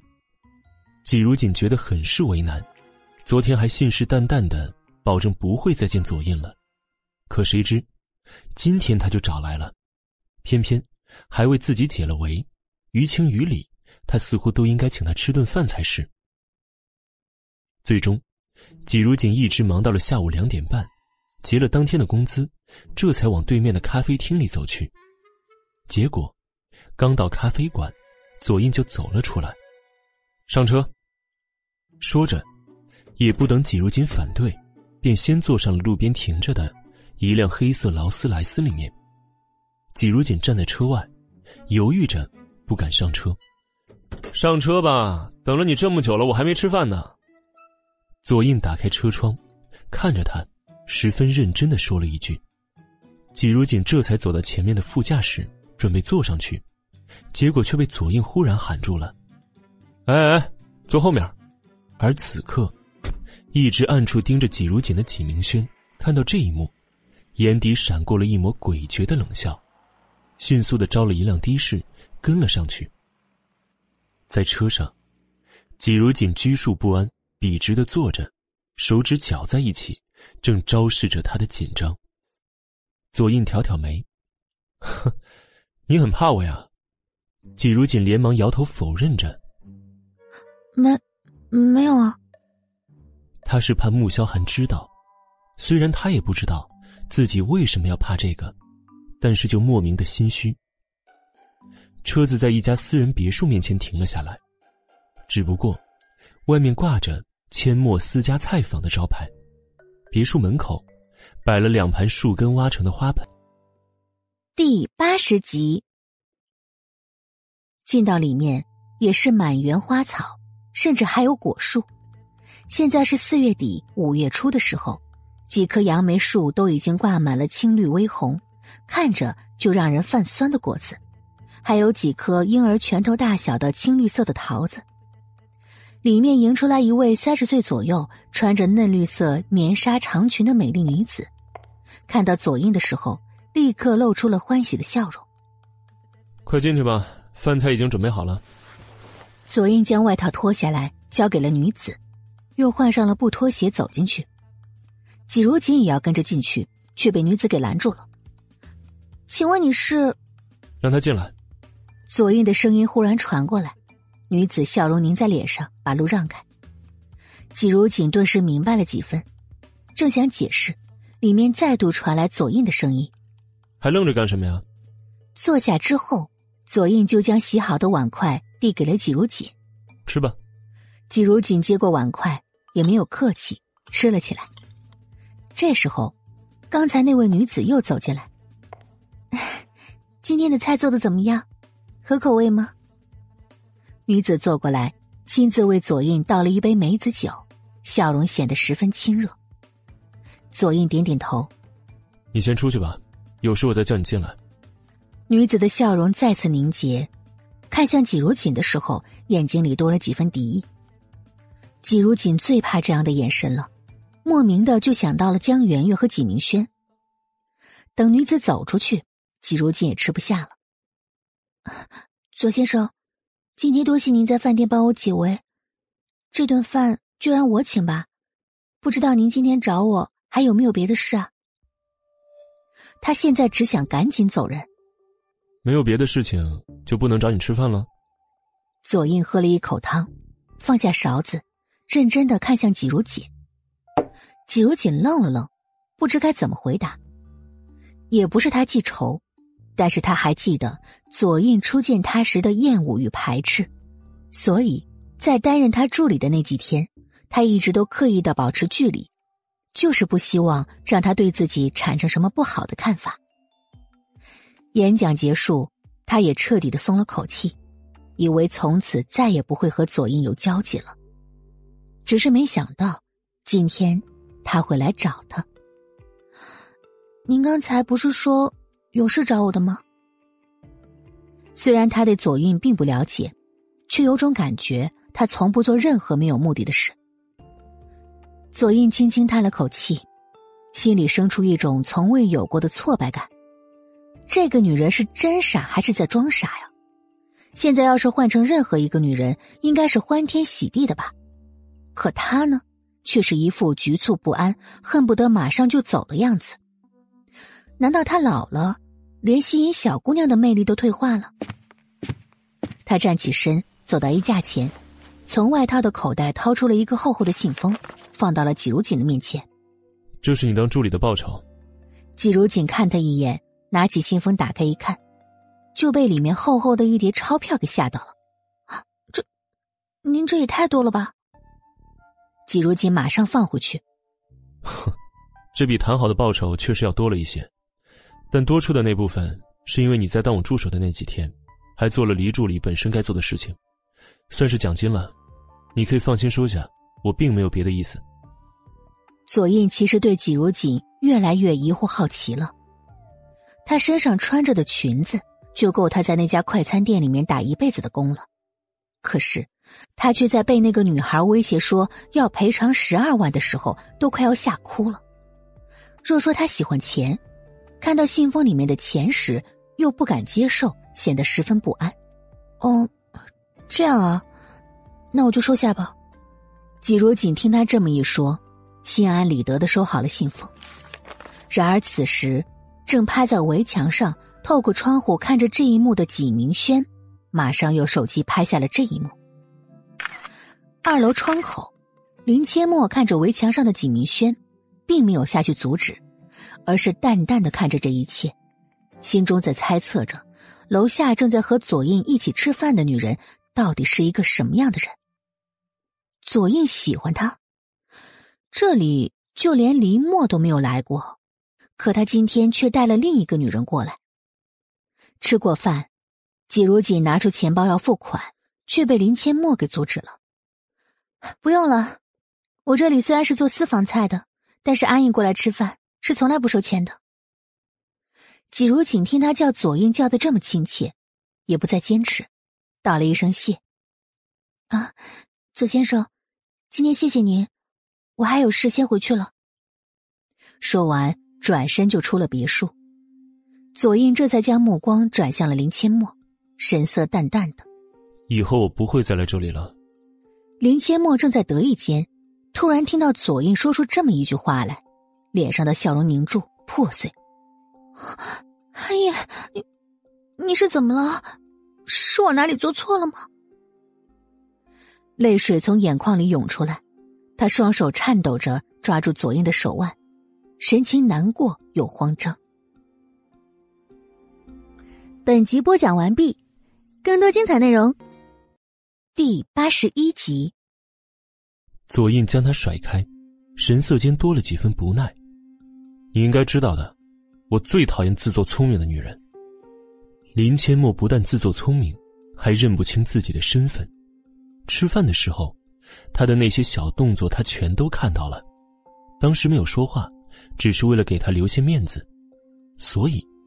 才会等到季如锦走了之后，这才发难。我错了，我再也不这样了。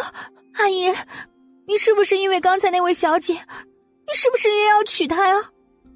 林阡陌会有这样的想法，是因为季如锦长得不但很美，还因为她的穿着虽然简单，但却依然是样样价值不菲。包括她进来时，看到这栋别墅，丝毫没有异样。想来应该是从小长在巨富之家的千金小姐，然而对于季如锦来说，见识过穆家的富贵之后，看到这种别墅，他是真的一点没有感觉了。左印正在穿鞋，听到林阡陌这句话，顿了顿，又继续穿鞋。他不否认自己确实对季如锦产生了兴趣，甚至想过让她成为自己的女人，就像林阡陌这样的，他需要钱。他就给他钱，买栋别墅将他养着，但唯独不能给他名分，这些与你无关。左印站在门口，一手插在裤兜里面，神情淡淡的看着外面的几棵果树。林阡陌不停的掉着眼泪，怎么会与他无关呢？他不要名分的跟了他十几年，嘴里说什么也不要，但心里却十分清楚。他要左印的全部，他的人，他的心，他的一切都好。好，我不管，我再也不多管闲事了。只要你别丢下我，阿姨，我求你了，你别走好吗？林阡陌也顾不得脚下还穿着拖鞋，从后面走了出来，抱住左印，低声的哀求着。左印却像是早就生出了断绝的心思，他从来也不缺女人，而林阡陌要的太多了。他也无意继续纠缠下去，趁着自己还年轻，找个男人嫁了吧，晚点我会打笔钱到你账上。话音落下，用力的将圈在腰间的素手掰开，大步朝着外面走去了。林阡陌往后退了两步，嘴角露出了一抹凄凉的笑，神色渐渐变得怨恨起来。此时的季如锦拿了一笔丰厚的报酬，心情十分高兴。第一件事情就是跑到银行的柜员机里面，准备将钱存进卡中，结果发现自己没有带平时用的那张银行卡，只带了穆萧寒昨天给他的那张卡。想着反正里面都是自己的钱，于是就把钱全都存了进去。正在办公室里听主管汇报业绩的穆萧寒，听到手机滴的一声，有短信提示，打开一看，突然愣住了。手机提示：刚刚卡内存进了一万两千块钱。想了想，他就笑了起来。只见过花钱的女人，却没见过往里面存钱的女人。季如锦到底是一个怎么样的奇葩呀？这要是往外说出去，估计都不会有人相信吧。这边，存好钱的季如锦心满意足的回到学校，准备晚上继续到快餐店里兼职。而纪明轩则找到一家工作室，将拍下的照片全都交给对方。在他离开之后，工作室立即准备将这张照片配上文字，抢占明天的头版头条。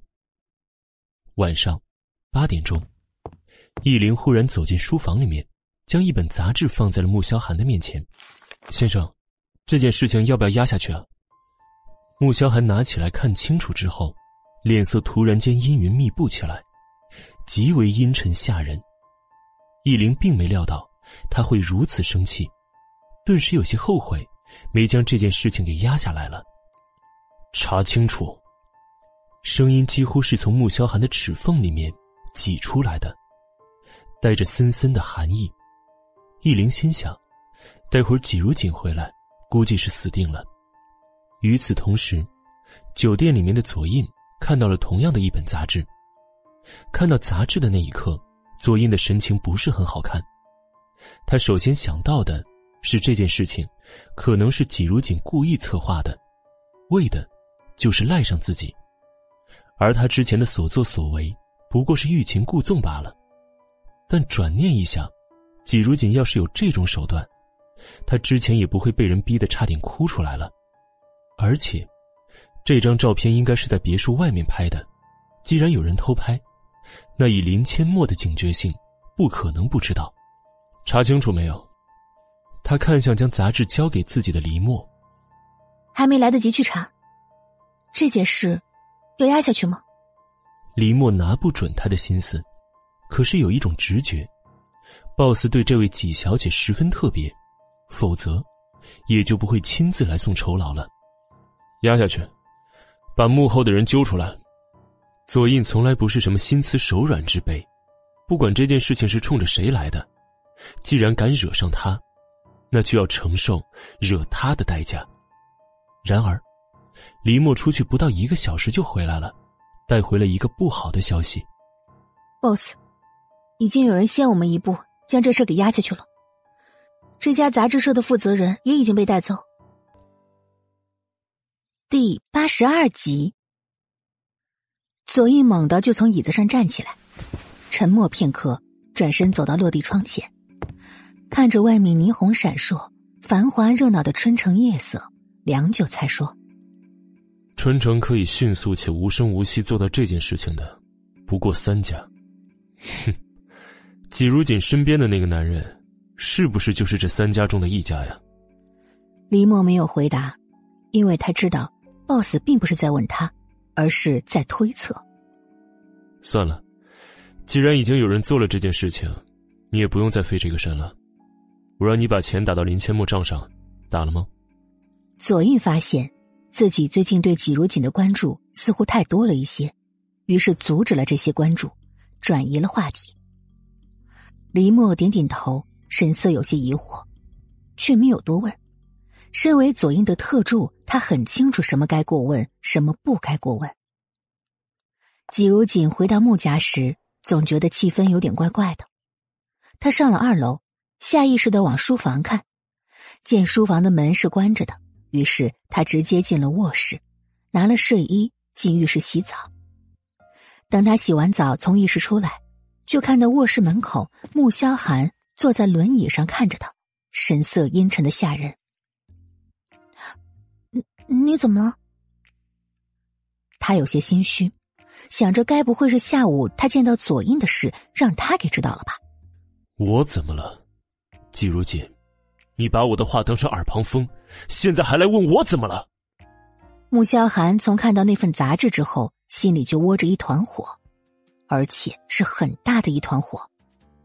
季如锦被他这么厉声一问，吓得浑身一抖，站在那里紧张又不安。我怎么了？他当然不会主动承认的，只好可怜兮兮的问道，十分受气包的模样。哼，过来，我告诉你我怎么了。穆萧寒突然发出一声冷笑，朝季如锦招了招手：“你说就是了，我在这听得到。”笑话，他才不会过去呢！要是他打人可怎么办？穆萧寒见他竟不敢过来，目光凉凉看过去，充满了威胁：“过来，我不打女人。”季如锦额头上的刘海还在滴水，他紧张的用手背抹了抹。又紧张的，慢慢的朝着穆萧寒挪过去。男人很有耐性，看着猎物慢慢靠近，也不急不忙，直到他到他面前了，猛地伸手抓住他，用力一拉，季如锦就坐在男人的腿上。想到他的脚受伤了，他立刻弹跳起来，结果又被男人给拉回去了。啊，你的脚会疼的。季如锦看着他的脚，很担心的。穆萧寒看他忘了害怕，反而担心自己的脚会疼，刚才满腔怒火竟莫名的消散一空。不过，死罪可免，活罪难逃。某人就擒住他的脸，又狠狠的咬了上去。季如锦还在担心他的腿，结果话音才落，男人就咬上他了。不是又咬他了？昨天不是才咬过的吗？他怎么这么喜欢咬人啊？季如锦脑子里就反复的缠绕着这两个问题，僵直的坐在男人的腿上，瞪圆了双眼，不知所措。咬着咬着。就变成了吻，比昨天更为激烈的吻。抱着我。季如锦听到男人嘶哑的声音，他脑子里一片空白，机械的抱住男人的腰。放松，我不会吃了你的。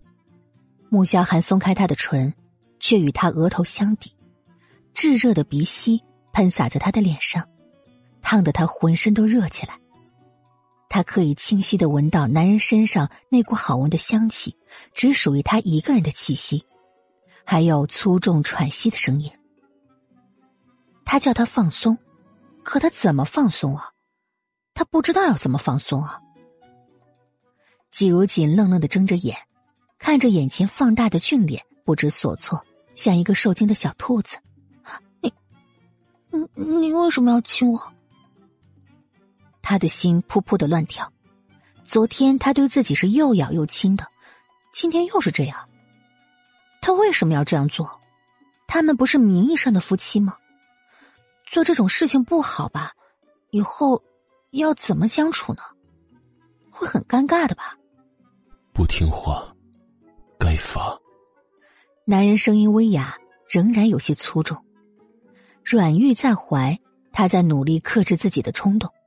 可是却舍不得放开他，就想这么一直抱着他，软软香香的。季如锦郁闷了，什么叫不听话呢？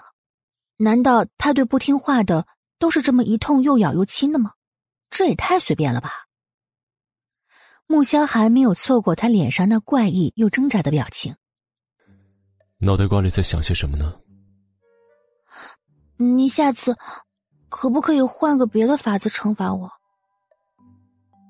这下，某人的脸都绿了。你不喜欢？喜欢。他又觉得自己回答有一点不好，刚想改口，便看到男人那充满危险性的神情，立刻闭嘴，不情愿的嘟囔：“也不知道什么癖好。”啊！穆萧寒在他小屁屁上狠狠的捏了一把。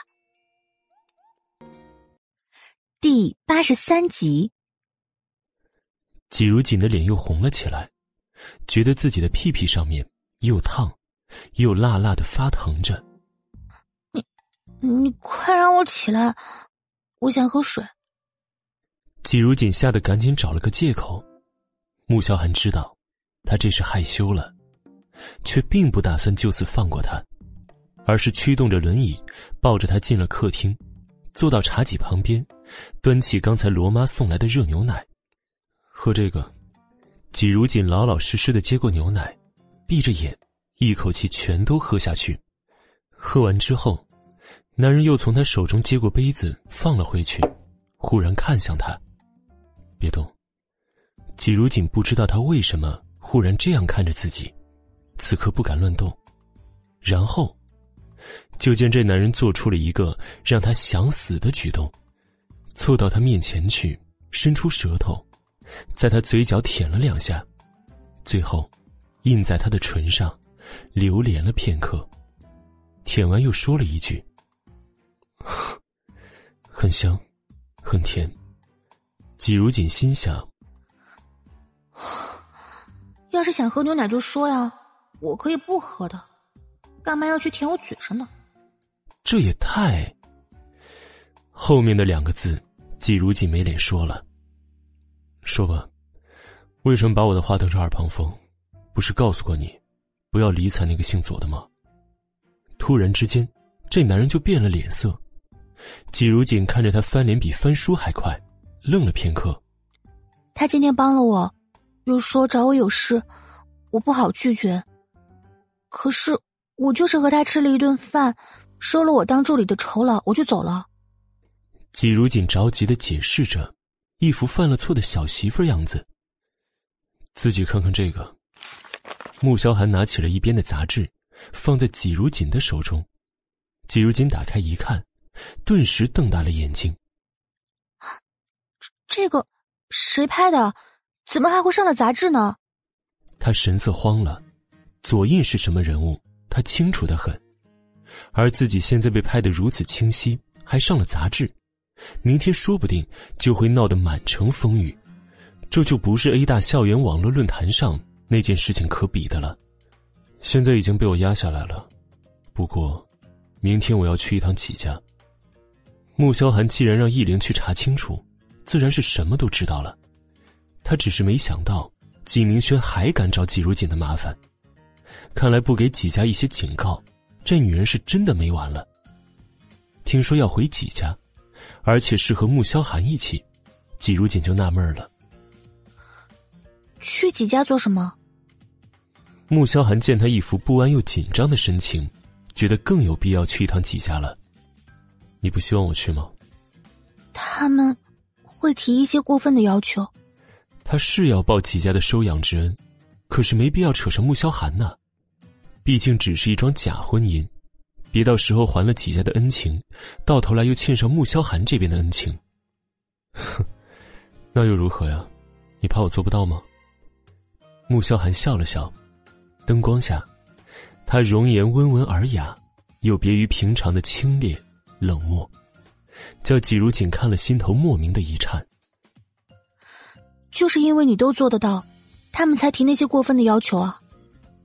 没有人比季如锦更清楚季家那填不满的野心和欲望。如果穆萧寒答应了这第一次，就会有第二次和第三次。见季如锦认同自己的能力。穆萧寒还是十分满意的，忍不住在他嘴上轻啄了一口。哼，睡吧。呆若木鸡的某人哪还睡得着啊？脑子里面乱七八糟的，快变成一团浆糊了。第二天早上，季如锦顶着黑眼圈起来，洗完脸，刷了牙，走进更衣室里面去换衣服。刚把睡衣脱下，拿到衣架上面把衣服换上。就听到身后有一道声音传了过来：“穿第二排第三件那条绿色的裙子，再配上第五排第六件那个白色的圆头小皮鞋。”季如锦的动作停顿了片刻，转过头时，就看到男人的目光正停留在她的身上，吓得随手抓起了衣架上的一件衣服挡住胸口。“啊，你，你，你什么时候进来的？”为什么进来的时候一点声音也没有呢？穆萧寒看着他大惊失色的模样，不但没有退出去，反而淡定的看了一下手表。九点钟出发，你还有半个小时的时间，换衣服，包括吃早餐。你怎么又不敲门？季如锦真的要崩溃了。哼，你没关门，我当然不用敲门呢。男人十分理所当然的回答了一句。季如锦发现，自己竟然无言以对了。那，你能不能先出去啊？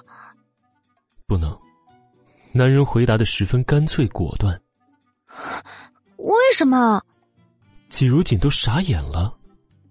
你问我了，我当然说不能。换成任何一个男人，都会说不能的。穆萧寒的眸色有些沉，他丝毫没有意识到自己有多诱人。同时，更不懂得怎样去拒绝一个男人，那就顺道给他好好的上一堂课。季如锦又不蠢，顿时明白他这话是什么意思了，声音里面都染上了哭意：“你出去，你快点出去！”第八十四集，换好衣服，季如锦出来时看到穆萧寒在外面等着自己，顿时觉得很不自然。走吧。结果。男人淡定的神情让他都开始怀疑是不是自己产生幻觉了。刚才发生的事儿，其实都是假的吧？九点半，兰溪花园几家别墅，吉老太太正在佛堂里念经，听说纪如锦回来了，敲着木鱼的动作并没有停顿。而叶梅听了之后，眼底闪过了一抹厌恶之色，她继续敷着她的面膜。季风伯早上去了公司，结果发现有份文件没有拿，又坐车回了家。刚进大厅，就看到站在客厅里的纪如锦和坐在轮椅上的穆萧寒。他先是一惊，转而又堆满了亲切又慈祥的笑容。如锦呐，你这丫头这么久了也不回来看看爹妈，这位就是萧寒吧？话落，就要走过来和穆萧寒握手，然而手伸过去。穆萧寒却只是淡淡的看了看。我九点半到的这里，现在已经十点半了，也不见半个人出来。哼，这就是纪家的待客之道吗？纪风伯尴尬的收回手，神情闪过一抹恼怒之色。他转过身，看向身后的管家：“都是死人吗？家里来客人也不去叫夫人和大小姐下来。”管家也表示很冤枉，还是赶紧上了二楼。这边。季风伯又是一脸亲切慈祥的看着季如锦。哎呀，如锦呐，你这孩子也真是的，既然要回来，也不事先打个电话通知家里一声，也好让我们有个准备，不是啊？心里却是对叶梅的不闻不问恼怒到了极点。要不是正好有份文件落在家里，要回来取，是不是就彻底的要错过这次机会了？季如锦还在震惊之中，有点回不过神来。这么多年。他还是第一次见到纪风伯用这么慈祥的语气跟他说话。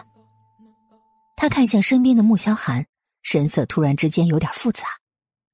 季风伯态度一百八十度的大转弯，其实是因为他身边的这个男人吧。没多久，叶梅和纪老太太都来到客厅，尤其是纪老太太见到季如锦时，连忙走过来，抱着他直呼了几声“心呐，肝儿啊”的。哎呀，如锦呐，我的宝贝孙女儿，来让奶奶仔细瞧瞧。哎呦，胖了点儿啊，瞧着比以前更漂亮了。老太太紧紧拽着季如锦的手不松，脸上都笑开花了，好像怕他会跑掉似的。这要是以前啊，季如锦一定会幸福的哭出来，他终于得到季家的认可。然而此刻。他心里却是说不出的荒凉，强扯出一抹笑容，不知该怎么作答。他情愿几家人还像以前那样冷漠的无视他的存在，也好过现在这样的虚假关怀。穆萧寒像是看出他的不安，朝他招了招手：“过来。”季如锦立即如同获救一般抽回手，走回了穆萧寒的身边。管家，赶紧搬张椅子给二小姐坐啊！季老太太看到季如锦这般受穆萧寒的重视，脸上的笑意就越发的真切。他赶紧冲管家吩咐：“阿锦脚上的伤现在还没有全都好起来，确实不能一直这样站着。”穆萧寒牵着季如锦的手，突然凉凉的说了一句。顿时，整个客厅的气氛都凝固了，因为所有人都心知肚明，季如锦脚上的伤是在季家弄出来的。而穆萧寒突然这么说，就是要为纪如锦出上次那口气吗？啊，是是吗？如锦啊，你这孩子也真是的，上次奶奶就是在气头上，你要是当时服个软，不就没事了吗？好在你大哥呀是个明理的，让你起来了，现在不又是活蹦乱跳的吗？也是咱们家家规严，穆总，您可千万不要见怪呀。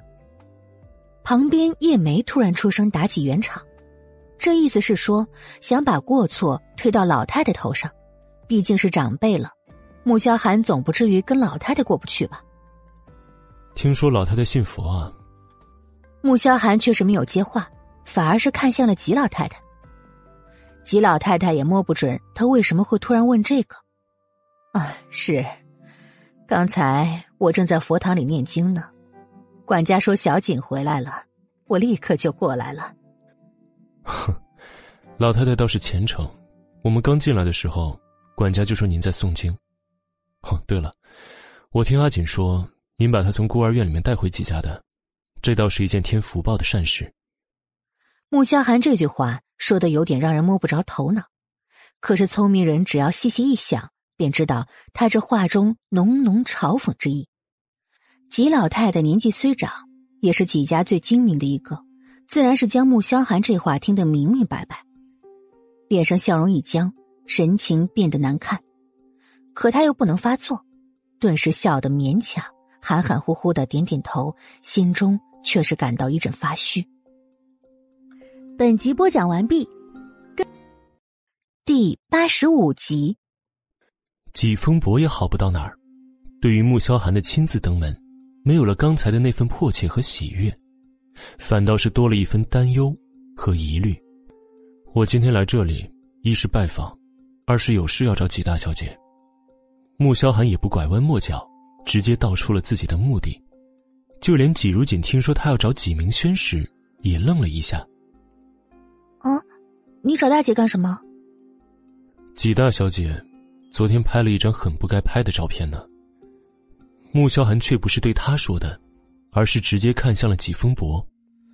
季风伯并不知道昨天的事情，听到什么照片，依然是满头雾水，立即看向叶梅，而叶梅也是摇头，表示自己并不知道。赶紧打电话叫明轩回来。季风伯立即催促着。不到二十分钟，季明轩就回来了，原因是听说穆萧寒来了季家。穆总，听说你找我啊？纪明轩甚至看都没看季如锦一眼，笑语嫣嫣的走到了穆萧寒面前坐下，好像两人已经认识很久似的。末了，还挑衅的看了季如锦一眼，待会儿就要他好看。想到这儿，他就握紧了手机。看来昨天那张照片，他拍的真是太及时了。只是，为什么杂志社那边没有曝光呢？穆萧寒的目光落在他的手机上。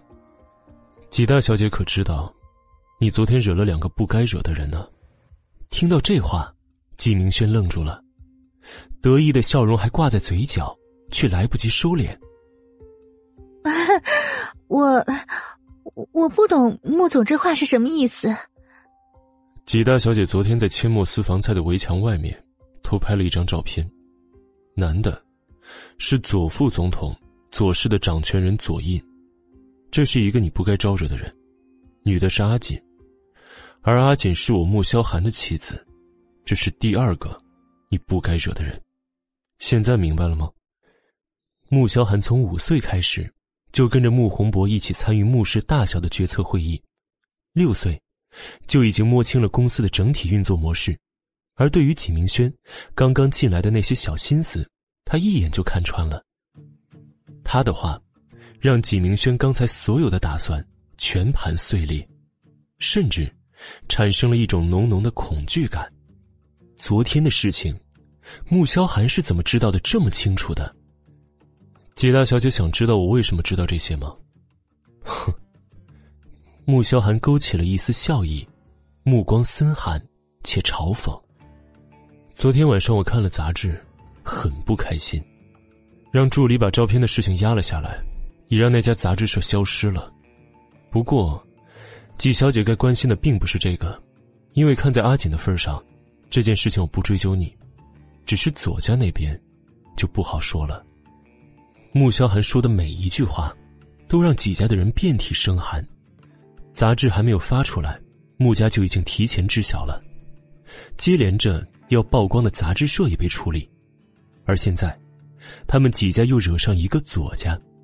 季风伯想到自己好不容易打下的基业，就这样因为一张照片而毁于一旦，心中在恐惧的同时，又生出一股腾腾的怒火。他猛地起身，一记耳光狠狠的扇在了纪明轩的脸上：“你是想害死咱们全家吗？”猪脑子！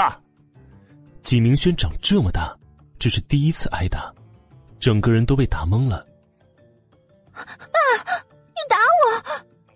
纪明轩是被全家捧在掌心里面长大的，别说是责骂了，就算是大声的冲他说上两句话，都要闹上好几天，想尽法子哄他开心，才会作罢。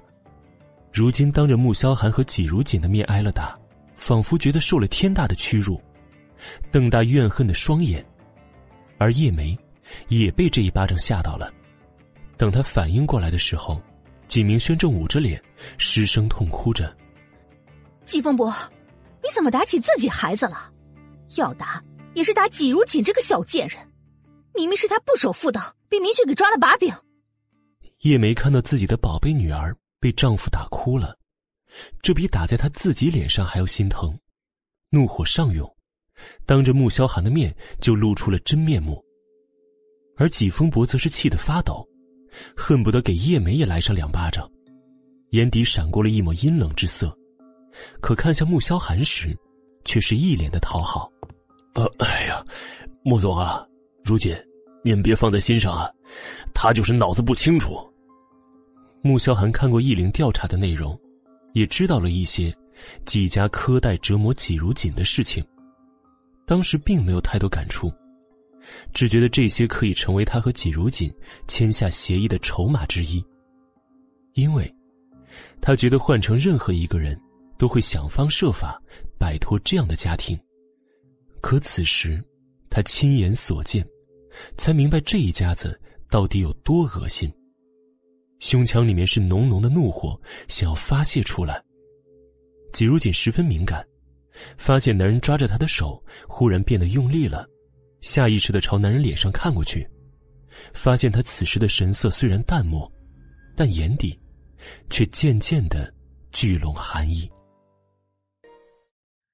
第八十六集，穆萧寒转头看向他，看到他眼底的祈求，心里更加生气了。被这样羞辱，他不但没有生气，反而还替这对母女求情。他怎么这么蠢？季总，季夫人的风言风语我可以不计较，不过，季小姐手机里面的照片，最好还是删掉的好。否则，即使是以后我不动季家。也迟早有人要让纪家好看，那时候，我可就是爱莫能助了。穆萧寒来这里是提醒几家，顺道也让几家打消一些不该有的念头。当然，如果有人自寻死路，他也不会拦着，因为此刻他很想让几家消失。季风伯打了个冷战，左家的手段，身在商界这个圈子，多多少少是有耳闻的。一个要竞选下一任总统的家族，是绝对不会允许爆出什么不利于大选的新闻出来。他伸手从纪明轩手中抢走了手机，交给了穆萧寒。纪明轩看到手机被抢，伸手就要抢回来，可是手刚伸过来，就被穆萧寒那刺骨冰寒的眼睛给震慑住了。季小姐想要拿回自己的手机吗？我的隐私都在里面，谁知道你们会不会拿去做什么文章？不过可惜了，这手机不能还给季小姐。明天我会让人送一只一模一样的过来，算是给季小姐的赔偿了。说完，穆萧寒就将手机收起来，随后又看向了季风博。季总，您女儿这性子也该管管了。像她这样天天无所事事，总想着找阿锦麻烦，一次两次的，我可以看在你们收养了她八年的份上，一忍再忍。但是，别再有第三次了，啊！季风伯听着他云淡风轻的威胁，冷汗都冒出来了。呃，穆总您放心，我一定好好管教她。以后啊，阿锦回来，我们一定把她当成亲生女儿一样疼爱。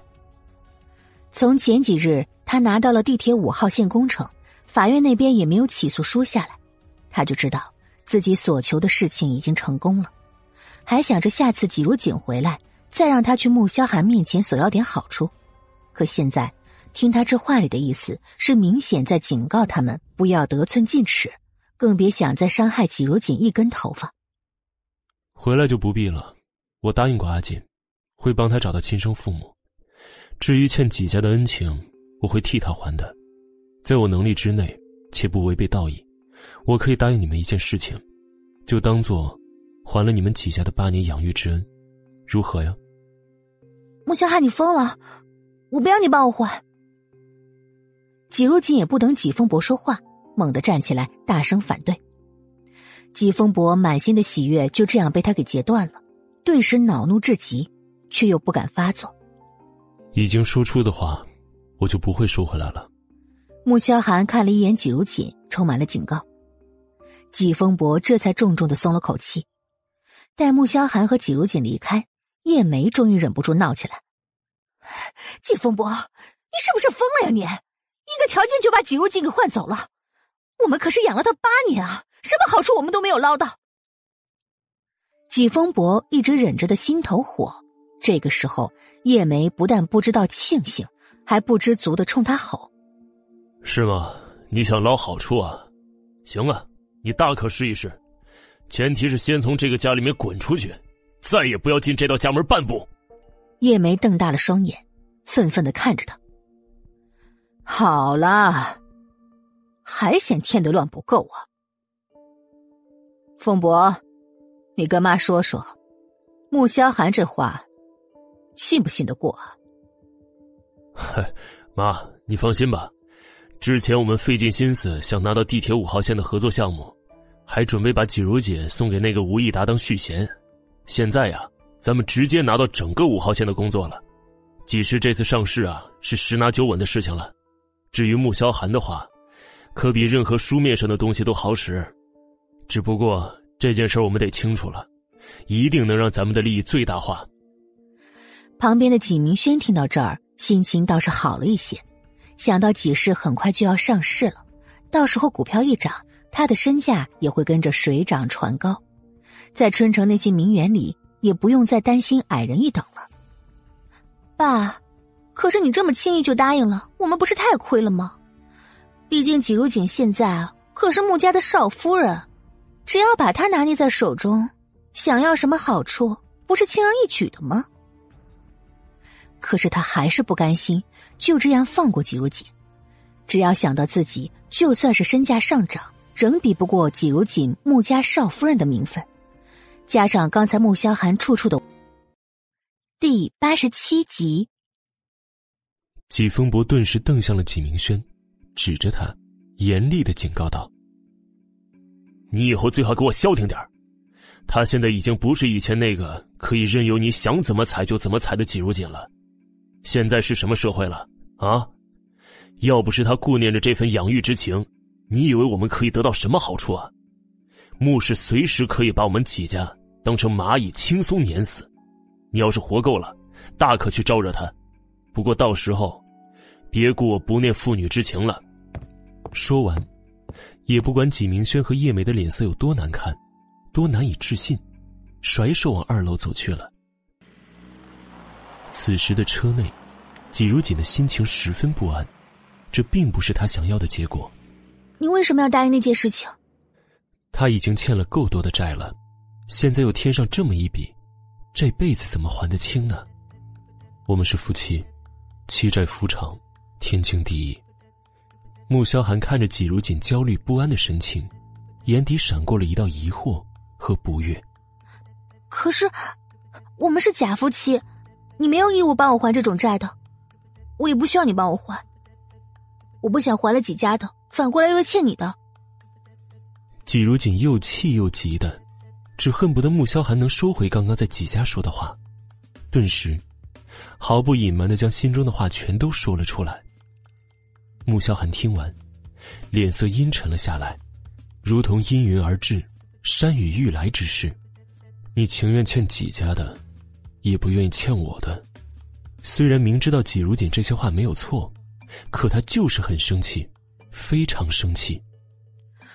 是，我和你只有三年的协议，等协议一到，我就会离开你。我不想到时候还要带着满身的债离开。季如锦看到他脸色阴沉的吓人，心中一抖，却还是如实回答着：“离开？你想去哪儿啊？”一开始签协议的时候，他就知道有一天季如锦会离开，但是听他亲口这么说。心中却突然堵得慌。我想出国，去学服装设计。我的梦想就是当服装设计师。这是季如锦一直以来的梦想，以前他不敢想，是因为他对未来充满了恐惧和不确定。但因为和穆萧寒的合作，他渐渐生出了期盼。他想，也许有一天，他能完成自己想完成的一切。穆萧寒静静的看着他。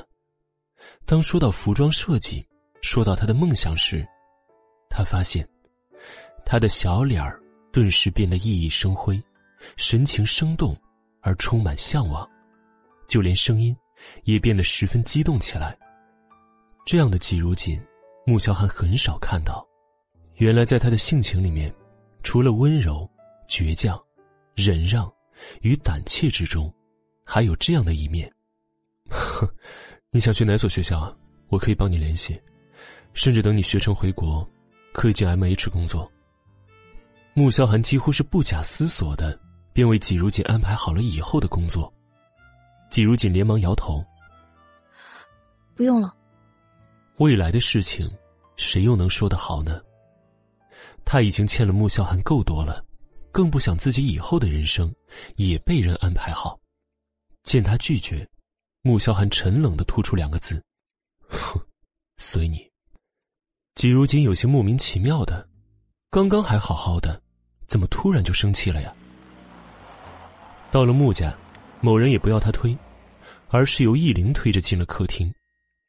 刚进到里面，就看到沙发上面。坐着一个穿着银灰色西装的帅气男子，姐夫，我等了你好久了。苏俊阳看到穆萧寒进来，立即站了起来，嘴角的笑意在看到季如锦的那一刻，肃的冷了下来。季如锦倒是愣住了，姐夫，难道这位是易灵的小舅子？不过，怎么会找到这里呢？他是谁啊？苏俊阳看向季如锦。神色中透露着一丝质问。哼，我妻子。穆萧寒的声音比平时多了一丝温度。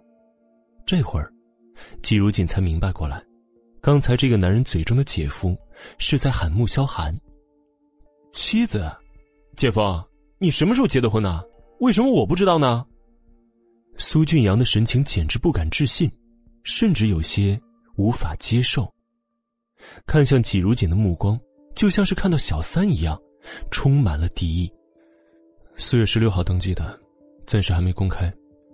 穆萧寒皱了皱眉头，语气却是十分温和。季如锦听了两人的对话，脑子里面充满了各种疑问：这个人称呼穆萧寒为姐夫，他的姐姐是穆萧寒的妻子吗？那他又算什么呢？穆萧寒既然有妻子，为什么还要和他登记结婚呢？那我姐呢？你不怕我姐知道了难过吗？苏俊阳愤愤不平，声音都高了几度。穆萧寒的脸色终于沉了下来，冷冷的看着他，什么话也没说，可是这眼神，却比他说任何话都要充满威力。苏俊阳就像是被人浇了一桶冷水一般，整个人冷静清醒了。但是那神情依旧不好看，尤其是看向季如锦时，那目光就像是一把刀子。我先上去了，你们聊。季如锦最怕被人用这样仇视的目光看着，忍着心中涌上的莫名窒息。第八十八集，穆萧还没有阻止，等他进了电梯，这才看向苏俊阳：“你特意过来，有什么事情啊？”姐夫，你不打算跟我解释一下刚才那个女人的事情吗？苏俊阳已经顾不得自己来这里的目的了，只想弄清楚那个女人到底是怎么回事。穆夏寒看向他，神情淡下来。没什么好解释的，事实就是我结婚了。那我姐以后怎么办呢？你不是不知道她这么多年来一直在等着你吧？可你，你竟然一声不吭的就跟别的女人结婚了，你有没有想过我姐的感受？苏俊阳替自己的姐姐感到很不值，原以为他们两个这些年来都不结婚，是因为爱着对方的，可如今只有姐姐还在傻傻的等着，而他呢，却已经结婚了。我从来没有要他等过我。穆萧寒神情毫无波澜，让人猜不出他心中到底在想什么。苏俊阳很失望，他没有想到会从穆萧寒的嘴里听到这样的回答。可是你为什么这么多年也不结婚呢？明明你们就还爱着对方。一直以为他。都当穆萧寒是姐夫，所以这么多年来称呼也没有变过。可是现在却得知姐夫已经结婚了，可娶的女人却不是自己的姐姐，这实在是太可笑了。哼，没有为什么，想结婚了，自然就结婚了。你要没有别的事情，我就不留你了。说完，也不去看苏俊阳神情有多么愤怒，转身朝着电梯而去。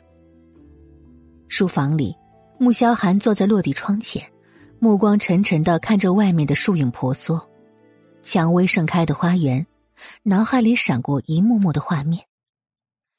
画面里充满了欢声笑语。那时候，花很香，风很暖，苏画的笑声也甜得沁人。少年时期最幸福的时光，莫过于苏画的相伴。那时候，她穿着一身白色的裙子，在他面前翩翩起舞，跳着芭蕾。他告诉他，他的梦想是成为一个舞蹈家，有一天能够站在百老汇的舞台中央。而只有十五岁的俊阳一直跟在他和苏画的后面，亲热的喊着姐夫。他听到苏画咯咯的开心笑着，而他想着以后是一定要娶苏花进门的，便也默认了。不料，后来他中了毒，他怕自己可怕的模样会吓坏了苏花，便狠心的提出分手，又将他赶去了意大利，一走便是十年。可俊阳却还是喊了他十年的姐夫。想到这些，穆萧寒的神情渐渐染上了一抹苦涩与怒意。他紧握着双拳，心里终究不是恨，而不甘。十八岁，他已经设想好自己未来的人生，可是却因为那杯茶，他独自痛苦煎熬了十年。每年每月的十五号，尤其是月圆之夜。都像是让他从地狱里面走了一遭一般，痛不欲生。可他仍然咬牙承受着，活了下来。然而失去的那些，终究是回不来了。季如锦也不知道自己是怎么了，自从上了楼之后，整个人的心都没有办法安静。他不想让自己胡思乱想，拿出素描本和画笔开始画画，可是没有多久就放弃了。他满脑子都是关于穆萧寒的一切，他想要去问清楚到底是怎么回事。既然他有心爱的女人，为什么要和他签订那种契约呢？而且，为什么是三年的时间？是有什么特别的用意吗？他终于扔下了画笔，起身走向书房。刚到门口，他就看到穆萧寒看着窗外，怔怔的出神。眼底有一抹凶狠的厉色闪过，他看得心惊肉跳，却还是鼓足了勇气走过去。穆萧寒猛地看过来，他就看到了他眼中的荒凉与哀伤。这是他第一次从这个男人的脸上看到这样的神情。原来这么厉害的人，也会有哀伤的一面，是因为楼下那个男人的姐姐吗？你很难过吗？难过，为什么你会这样觉得？穆萧寒神色冰冷，季如锦以为他是想到了什么伤心的过往。你刚才的样子有些哀伤，是因为刚才那个人的姐姐吗？这些不是你能过问的。穆萧寒的神情越发沉冷，目光充满了危险的警告。然而，季如锦却像是昏了头似的，将他警告置若罔闻。或许，他只想知道答案，一个让他放心又或者是死心的答案，只是连他自己都没有意识到。你既然有喜欢的人，你为什么还要和我结婚？你明明可以娶她做你的妻子，这样你就不会痛苦，不是吗？为什么协议的时间是三年？你是不是打算三年之后和我离婚，再娶她为妻？你是想用我替他扫除什么障碍吗？本集播讲完毕，更多精彩内容，第八十九集。季如锦几乎是不假思索的将心中所有疑问脱口而出。说完，他提着心，紧盯着穆萧寒，对上他那双像是千年冰霜所化的眼睛，脚底渐渐生出一股寒意，刺骨的冷。你要这么认为，也不是不可以。穆萧寒冷笑，眼底的嘲讽像是一把尖刀似的，狠狠的戳在季如锦的心中。有时候他觉得这个女人很笨，可有时候，又聪明的让人痛恨。十年之前，他和苏画分手。将她赶到国外，他就从没想过和她再有任何交集。和季如锦签的三年协议，不过是想再给自己三年时间。如果能在此期间找到解药，解了体内的毒，就希望能有重获健康的那一日。至于什么娶苏画为妻，事隔十年了，还能找回过去的那份感情吗？许是得到了穆萧寒的答案，季如锦一颗心都沉了下来。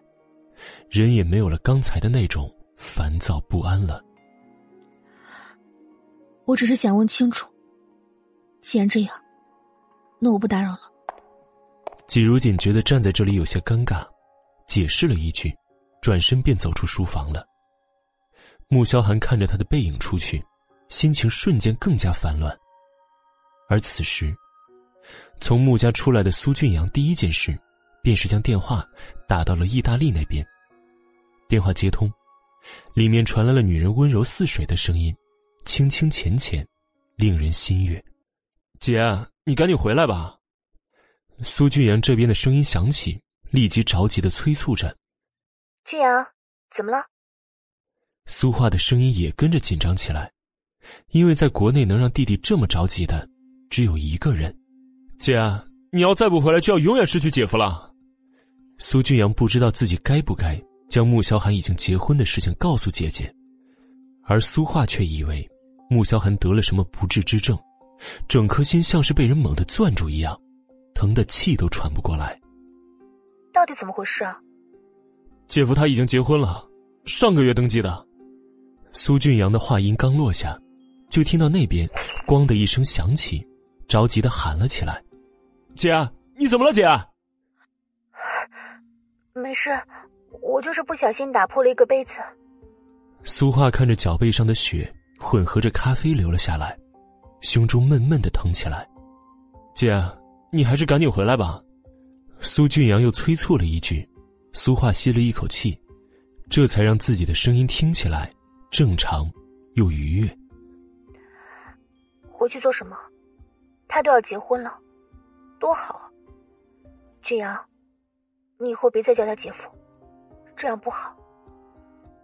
苏俊阳看不到苏画的表情，但听他这样轻松的语气，眉头皱了起来。你真这么觉得呀？当然。苏画笑了笑，十分的勉强。那为什么这十年你也不肯嫁人呢？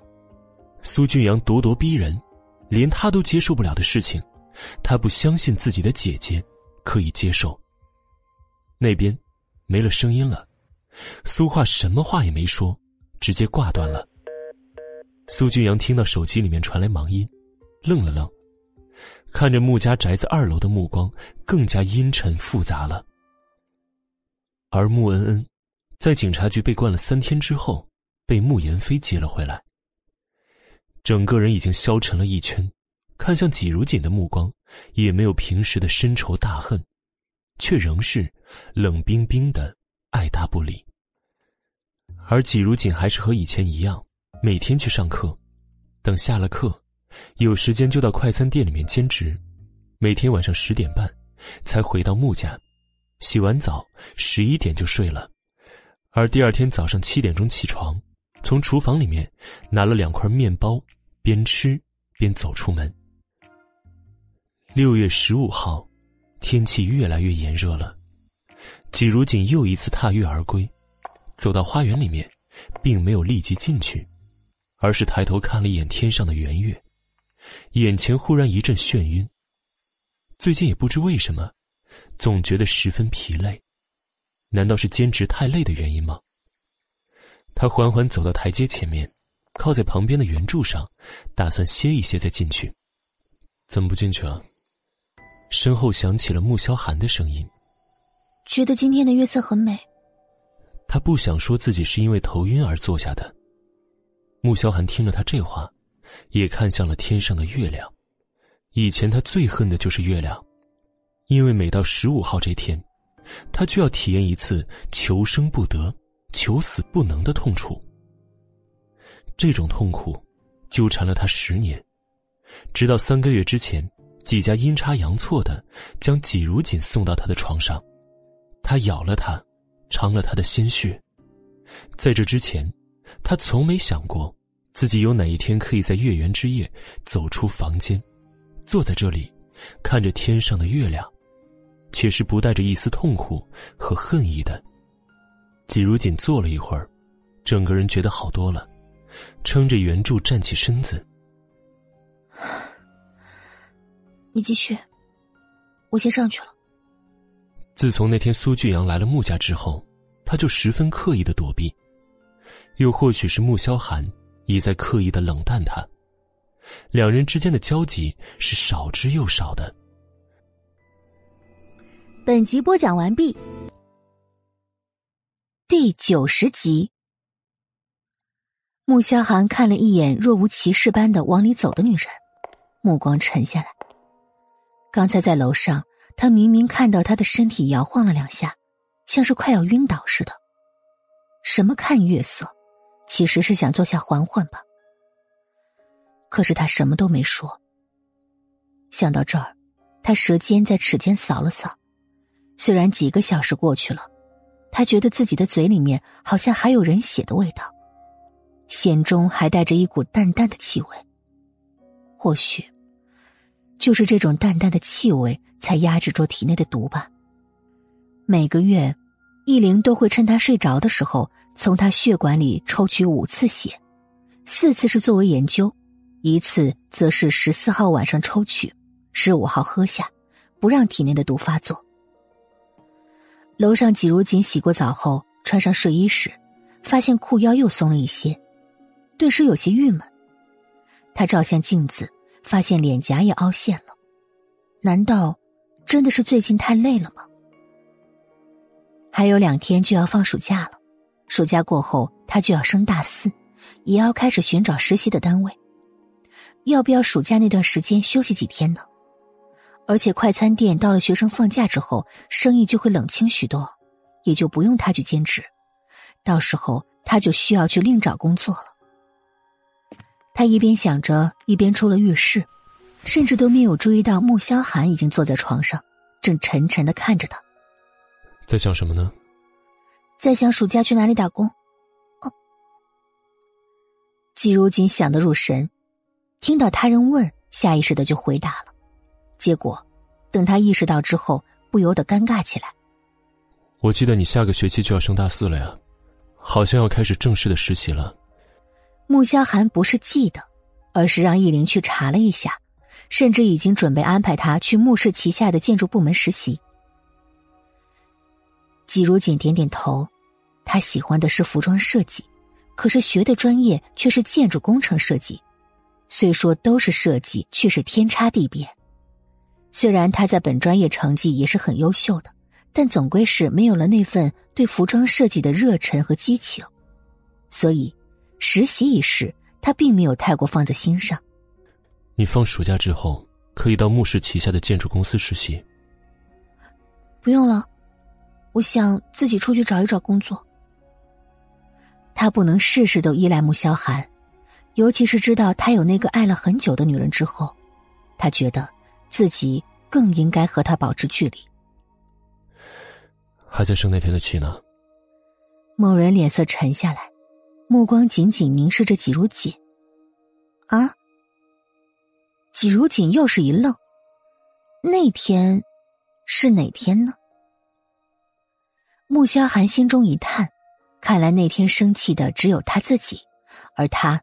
则是借了那天的事情，找了一个可以避开他的理由吧。睡觉。